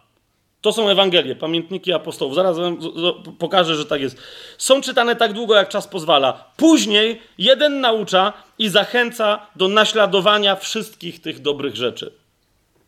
Ewangelie zawsze tak długo, jak się dało, było odczytywane. I teraz posłuchajcie, uczeń Polikarpa, a Polikarp był bezpośrednim uczniem Jana, Ireneusz z Lyonu. Posłuchajcie, co pisze w Adversus Herezes, czyli przeciwko heretykom 3.1.1. Cały tekst bez mojego komentarza. Pisze tak. Mateusz wydał pisaną Ewangelię pośród Hebrajczyków w ich własnym dialekcie. Kiedy? Wtedy, gdy Piotr i Paweł głosili w Rzymie i kładli podwaliny kościoła. Po ich odejściu Marek, uczeń i tłumacz Piotra, również przekazał nam na piśmie to, co głosił Piotr. Podobnie Łukasz, towarzysz Pawła, zawarł w księdze Ewangelię głoszoną przez Pawła. Następnie Jan, uczeń Pana, który też spoczywał na jego piersi, opublikował Ewangelię podczas swojego pobytu w Efezie w Azji Mniejszej. A więc mamy informację, że Mateusz napisał Ewangelię swoją. To było wtedy, kiedy Piotr z Pawłem byli już w Rzymie, czyli przed śmiercią obydwóch z nich, gdzieś między 64 a 68 rokiem naszej ery. Tak? To jest prawie 70 rok, to widzicie, to jest, to jest 40 lat po Chrystusie. Tak? I wtedy Mateusz pisze swoją Ewangelię po, ym, prawdopodobnie po aramejsku, nie, nie po hebrajsku. Ale my oryginał mamy po grecku, bo nie będę teraz rozwodził się, jak to się stało przy Ewangelii Mateusza, więcej o tym powiemy. Mateusz wszystko wskazuje na to, że sam przetłumaczył następnie tę Ewangelię na grecki i to dopiero był tekst natchniony, tak? Ale on pisze w tym samym czasie, w którym głoszą Marek, e, w którym głoszą Piotr i Paweł w Rzymie, na podstawie których głoszenia piszą Marek i Łukasz. Marek pisze po Piotrze, Łukasz pisze po Pawle. Widzicie to? To jest, to jest równoległa droga, tak? I dopiero po nich wszystkich, jeszcze parę dziesiąt lat później, 20-30 lat prawdopodobnie, pisze Jan. O tym, jak on pisał, to, to, to teraz jeszcze, jeszcze jedno e, świadectwo. Powiedzą niektórzy, no to ale w takim razie skąd się to wzięło, że oni napisali tak bardzo podobnie? Skoro pisali prawie równolegle. Po pierwsze, Łukasz mówi wyraźnie, że badał wszystko, a będąc w Rzymie z Pawłem, musiał słyszeć Piotra głoszącego i skonfrontował ich Ewangelię. ok? A inna rzecz, że zanim oni trafili, Paweł z Piotrem, do Rzymu, wszyscy głosili tę samą Ewangelię. Rozumiecie? Wszyscy głosili tę samą Ewangelię. Kto z Was kiedykolwiek zajmował się przemawianiem publicznym, miał jakiś te- wykładami, czymkolwiek, miał jakiś temat, z którym jeździł i jeździł i jeździł i jeździł, w pewnym momencie zauważy, że jeżeli mówi o jakiejś historii, mówi o jakiejś prawdzie w określony sposób, to się uczy tego sposobu. I inni się też uczą sposobu yy, mówienia i bardzo podobnie o pewnych rzeczach opowiadają. Jasne jest to, co mówię? To jest absolutnie według mnie naturalny proces, że Ewangelia była głoszona e, podobnie, zwłaszcza przez tych trzech: Mateusza, Piotra i Pawła. Zwłaszcza, że rozumiecie, najważniejsze w tym wszystkim jest to, że Duch Święty ich natchnął. Porównajcie sobie opis ostatniej wieczerzy u Mateusza u Marka i u Łukasza, a następnie zobaczcie, co pisze Paweł w pierwszym do Koryntian, który mówi, że tego się nie nauczył od apostołów, ani nie było go przy ostatniej wieczerzy, ale że pisze coś, co mu sam Pan objawił w pierwszym do Koryntian w 11 rozdziale. Czy tam w dziesiątym. tak? Mówi, że sam Pan mu to objawił. I potem czytasz ten opis i on jest prawie identyczny z tym wszystkim, co znajdujesz w, w pozostałych tamtych trzech Ewangeliach. Jasne jest to, co mówię? Teraz posłuchajcie jeszcze, jeszcze jednego ostatniego mm, tekstu historycznego na ten temat z tak zwanego fragmentu Muratoriego. Eee, nie będę teraz wyjaśniał, co, o co chodzi z tym moratorium, ale e, no po prostu to, to jest bardzo ważny przekaz ze starożytności dla nas. Na temat Ewangelii Jana i przy okazji tego, jak ona była pisana, komentarz na temat w ogóle wszystkich Ewangelii. Otóż e, znajdujemy tam następujący tekst. Czwarta z Ewangelii jest Jana, jednego z uczniów pańskich. Do swoich współuczniów i biskupów, którzy na niego naciskali, żeby pisał, to było w Efezie, Jan powiedział: Pośćcie ze mną od dzisiaj przez trzy dni, a co zostanie każdemu z nas objawione, to powiedzmy pozostałym. Jeszcze tej samej nocy zostało objawione Andrzejowi, który był jednym z apostołów, a więc mamy dodatkową informację, że Andrzej w Efezie przy, przez jakiś czas był z Janem. Andrzejowi, który był z apostołów, zostało objawione, że Jan powinien spisać wszystko we własnym imieniu, podczas gdy reszta będzie to poddawać rozeznaniu. Rozumiecie, reszta kogo? Reszta z apostołów, ale też reszta ze starszych biskupów w Efezie, którzy w ogóle mogli nie znać Jezusa. Rozumiecie? Duch Święty powiedział, cokolwiek Jan napisze, wy macie prawo poprawiać. Hmm? Są tu co prawda świadkowie, którzy też was skorygują, jeżeli będzie trzeba, ale Duch Świę- ja, Duch Święty, mówię wam, że zostanie napisane, to, co powinno być napisane. I teraz w tym fragmencie Muratoriego znajdujemy następujący mm, komentarz.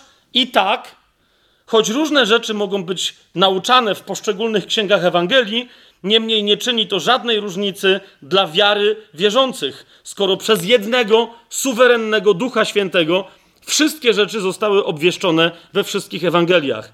Czy gdy idzie o narodzenie Chrystusa, czy jego mękę, czy zmartwychwstanie, czy jego życie z uczniami, czy wreszcie jego dwojakie przyjście. Pierwsze w uniżeniu, kiedy to został wzgardzony, co już miało miejsce, drugie chwalebne w królewskiej potędze, które wciąż znajduje się w naszej przyszłości. To jest to. ok? Jeżeli mówimy o autorstwie czterech e, Ewangelii, które mamy, rozumiecie, i te wszystkie historie, e, e, i te wszystkie historie tam mamy, o wiecie, tam rzeczywiście istnieją trzy, istnieją trzy Ewangelie synoptyczne, które są do siebie bardzo podobne, ze względu na podobny podobne źródło, którym jest podobny rodzaj głoszenia Ewangelii o Jezusie. Tak? Jan przychodzi ze swoją Ewangelią później i dlatego mówi, słuchajcie, rozeznajcie wy ze mną, ponieważ wie, że z nim będą się modlić ludzie, którzy już znają te trzy Ewangelie, Mateusza, Marka i Łukasza i wie, że Kościół ma inną potrzebę. Tak? Zaraz na sam koniec wam pokażę, co w związku z tym z tego, e, z tego wyniknęło. Więc rzeczywiście Ewangelia Jana różni się od tych pierwszych trzech synoptycznych, ale nie różni się w sensie jednego autorstwa, autorstwa, które należy do Ducha Świętego. Tak? E, niemniej zauważcie, że przez Ducha Świętego cztery Ewangelie są oryginalnie pochodzenia apostolskiego. I powiedziałbym, że znowu mamy trzy na jeden. Mamy trzy Ewangelie Mateusza, od, pochodzącą od Mateusza, pochodzącą od Jana i Marka, pochodzącą od Piotra. Mamy trzy Ewangelie apostołów, którzy naprawdę fizycznie znali Jezusa i z nim przebywali. I mamy jedną Ewangelię spisaną przez Łukasza, która de facto pochodzi od Pawła, który miał specjalne objawienie, został powołany ekstra, że się tak wyrażę, jako apostoł przez już zmartwychwstałego i za, zasiadającego w niebie Pana Jezusa, który się jemu specjalnie pojawił. Tak? Więc, więc tak to mniej więcej wygląda. Nie będziemy tego nigdy więcej, bardziej zgłębiać. Według mnie nie ma żadnego, e, absolutnie żadnego źródła ku, tak? I tam tych wszystkich z tym związanych historii. Teraz, ponieważ jest jeden Chrystus, Jeden Chrystus objawiony, uważajcie, przez jednego autora. To jest ostatnia rzecz, którą, którą dzisiaj powiemy. W związku z tym to musimy pamiętać, że niezależnie od tego, którą Ewangelię czytamy, bo to jest kolejna rzecz, tak? E, inni znowu biorą te, te, te wiadomości, którymi ja się teraz z wami podzieliłem i zaczynają naturalizować. Mianowicie mówią tak, Ewangelia Mateusza zatem jest napisana dla Żydów. No bo Mateusz oryginalnie, on mógł, wiecie, po ludzku widzieć taką potrzebę i napisał Ewangelię dla Żydów. Ewangelia Marka jest napisana, skoro powtarzał to, co mówił Piotr, jest napisana dla Rzymian, dla pogan, którzy byli katechumenami, którzy chcieli się ochrzcić, którzy uwierzyli w Jezusa, ale chcieli wiedzieć więcej. Okay? Ewangelia Łukasza była dla Greków, bo zawiera mnóstwo ludzkiej, yy, wydawałoby się, mądrości, bo Łukasz był lekarzem, a Ewangelia Jana jest mistyczna i głównie skierowana do walki z y, gnostykami, którzy zaczęli podważać y, bóstwo Jezusa. Niezależnie od tego, i potem, bo potem się wiecie, zaczynają koncepcje, kim był Łukasz, jakim językiem się posługiwał Mateusz, co z tego wynika, co jest ważniejsze, a co jest mniej ważne. Jeszcze raz, niezależnie od tego, w jakich okolicznościach historycznych, jakimi ludźmi posłużył się Duch Święty, autorem Ewangelii jest Duch Święty i napisał je nie tylko z myślą o tym, co mieli na myśli po ludzku tamci autorzy, ale napisał Ewangelię z myślą o wszystkich czytelnikach Pisma Świętego i natchnął je tak samo dla chrześcijan pierwszego wieku, jak i dla nas. Amen? Co za tym to oznacza?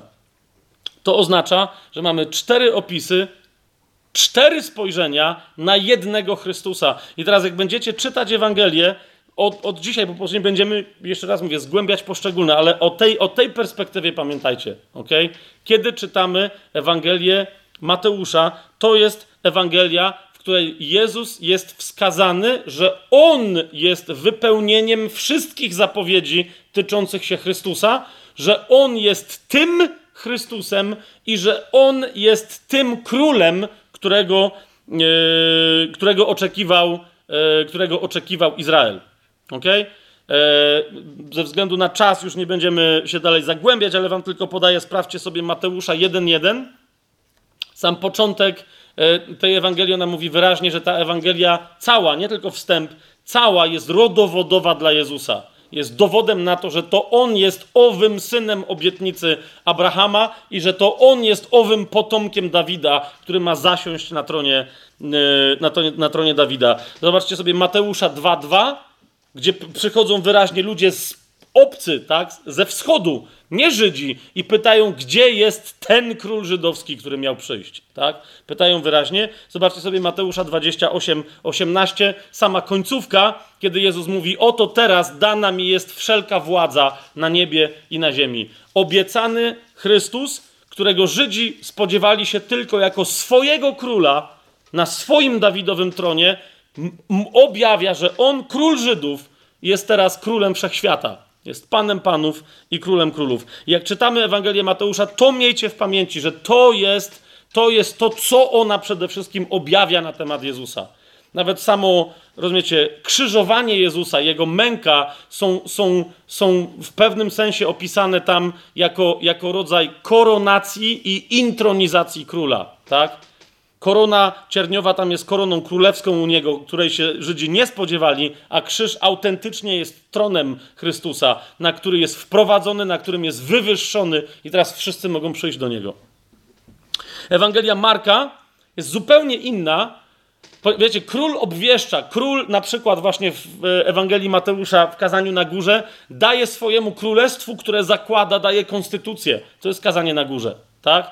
W Ewangelii Marka Chrystus jest przedstawiony z innej strony, jako cały czas działający, pracujący sługa Jahwe, którego zapowiadał Izajasz chociażby w swoich czterech pieśniach. To jest cały czas działający, cierpiący, służący, pracujący sługa Jahwe. Zobaczcie sobie tam chociażby Ewangelia Marka 1, 22, 27. Ewangelia Marka 10, tam jest powiedziane, że on przychodzi jako prorok, który naucza jak, jak ktoś, kto ma moc, a nie jak inni uczeni w piśmie. Ewangelia Marka 10:45, gdzie Jezus mówi wyraźnie, yy, że on przyszedł służyć, a nie żeby jemu służono. I teraz yy, zupełnie szokujące zakończenie Ewangelii Marka, to jest 16 rozdział, 19 i 20 werset, gdzie mimo, że Jezus wstępuje, do, to aż otworzę, gdzie mimo, że Jezus wstępuje do nieba i zasiada po prawicy Ojca, jest wywyższony w chwale, dalej pracuje. Rozumiecie? To jest to, jak Duch Święty w Ewangelii Marka widzi Jezusa. On, zobaczcie, Marek 16, 19, 20. A kiedy Pan przestał do nich mówić, został wzięty do nieba i zasiadł po prawicy Boga. I teraz patrzcie, 20 werset. Oni zaś poszli i głosili wszędzie, a Pan współdziałał z nimi i potwierdzał ich słowa znakami, które im towarzyszyły. Amen. Tak? Aż tam cały czas to jest Ewangelia opisująca Jezusa w działaniu. I dlatego ona jest króciutka, ale jak, jak sobie porównacie ją na przykład z Ewangelią Mateusza i wyjmiecie z Ewangelii Marka i z Ewangelii Mateusza, wyjmiecie słowa Jezusa, zostawicie same akcje, to nagle odkryjecie, że Ewangelia Mateusza jest znacznie krótsza od Ewangelii Marka. Tak? Ewangelia Marka to jest po prostu, to jest, to jest film akcji, tak? To jest, to jest thriller, to jest, to jest robota, walka, twist, rozumiesz, historia się zmienia, Jezus, on cały czas pędzi, cały czas z wioski do, do wioski, cały czas coś robi. Nauczanie jest krótkie, działanie jest bardzo mocne, tak? Dalej mamy czwartą Ewangelię Łukasza, gdzie Łukasz, cóż z tego, że był lekarzem, to tylko, tylko naturalnie mu to łatwiej było zrobić, ale w Ewangelii Łukasza Jezus jest przedstawiony jako doskonały, ale jednak człowieczy syn, tak? Jako doskonały syn człowieczy. Eee, tylko, jak sobie zobaczycie na przykład Łukasza 22:44, tak? Eee, tylko, tylko Łukasz ma ten zapis. Eee, I niektórzy mówią, że to dlatego, że to dlatego, że no, bo po prostu, bo, bo, bo był lekarzem, tak? Ale, ale jego przy tym nie było, on, on nie miał takiego doświadczenia, tak? Zobaczcie, Łukasz 22, 44. Mm, w śmiertelnym zmaganiu Jezus jeszcze gorliwiej się modlił, a jego pot był jak, kropl, jak krople krwi spadające na ziemię. Tak? Łukasz wie, że natchniony Duchem Świętym, że ma to opisywać. Zmaganie Jezusa. To, co później znajdziecie e, w liście do Hebrajczyków, na przykład w rozdziale drugim, wersety 9-10, albo w rozdziale piątym, wersety 7-10.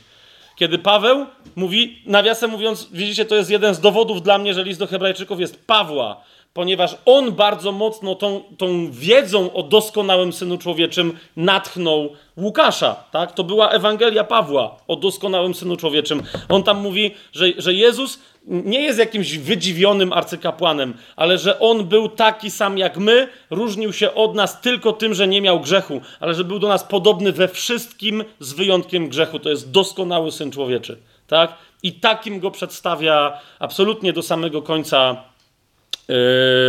Łukasz, tak? I na końcu wreszcie mamy Jana, tam sytuacja jest dość prosta. Akurat sobie to otworzymy, żeby wam pokazać nie do końca dla wszystkich, to będzie ostatni dzisiaj cytat, nie do końca dla wszystkich oczywisty yy, cytat.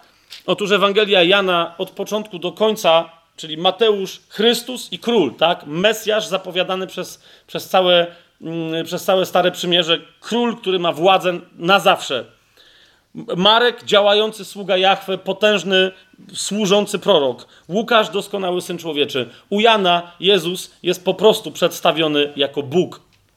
To jest bardzo, bardzo, bardzo istotne, tak? U Jana Jezus jest przedstawiony jako Bóg i niezależnie od tego, jak niektóre ekipy typu Świadkowie Jehowy i naprawdę y, mówię to z całą miłością, jeżeli tu są na sali jacyś świadkowie Jehowy czy badacze pisma, ktokolwiek tam.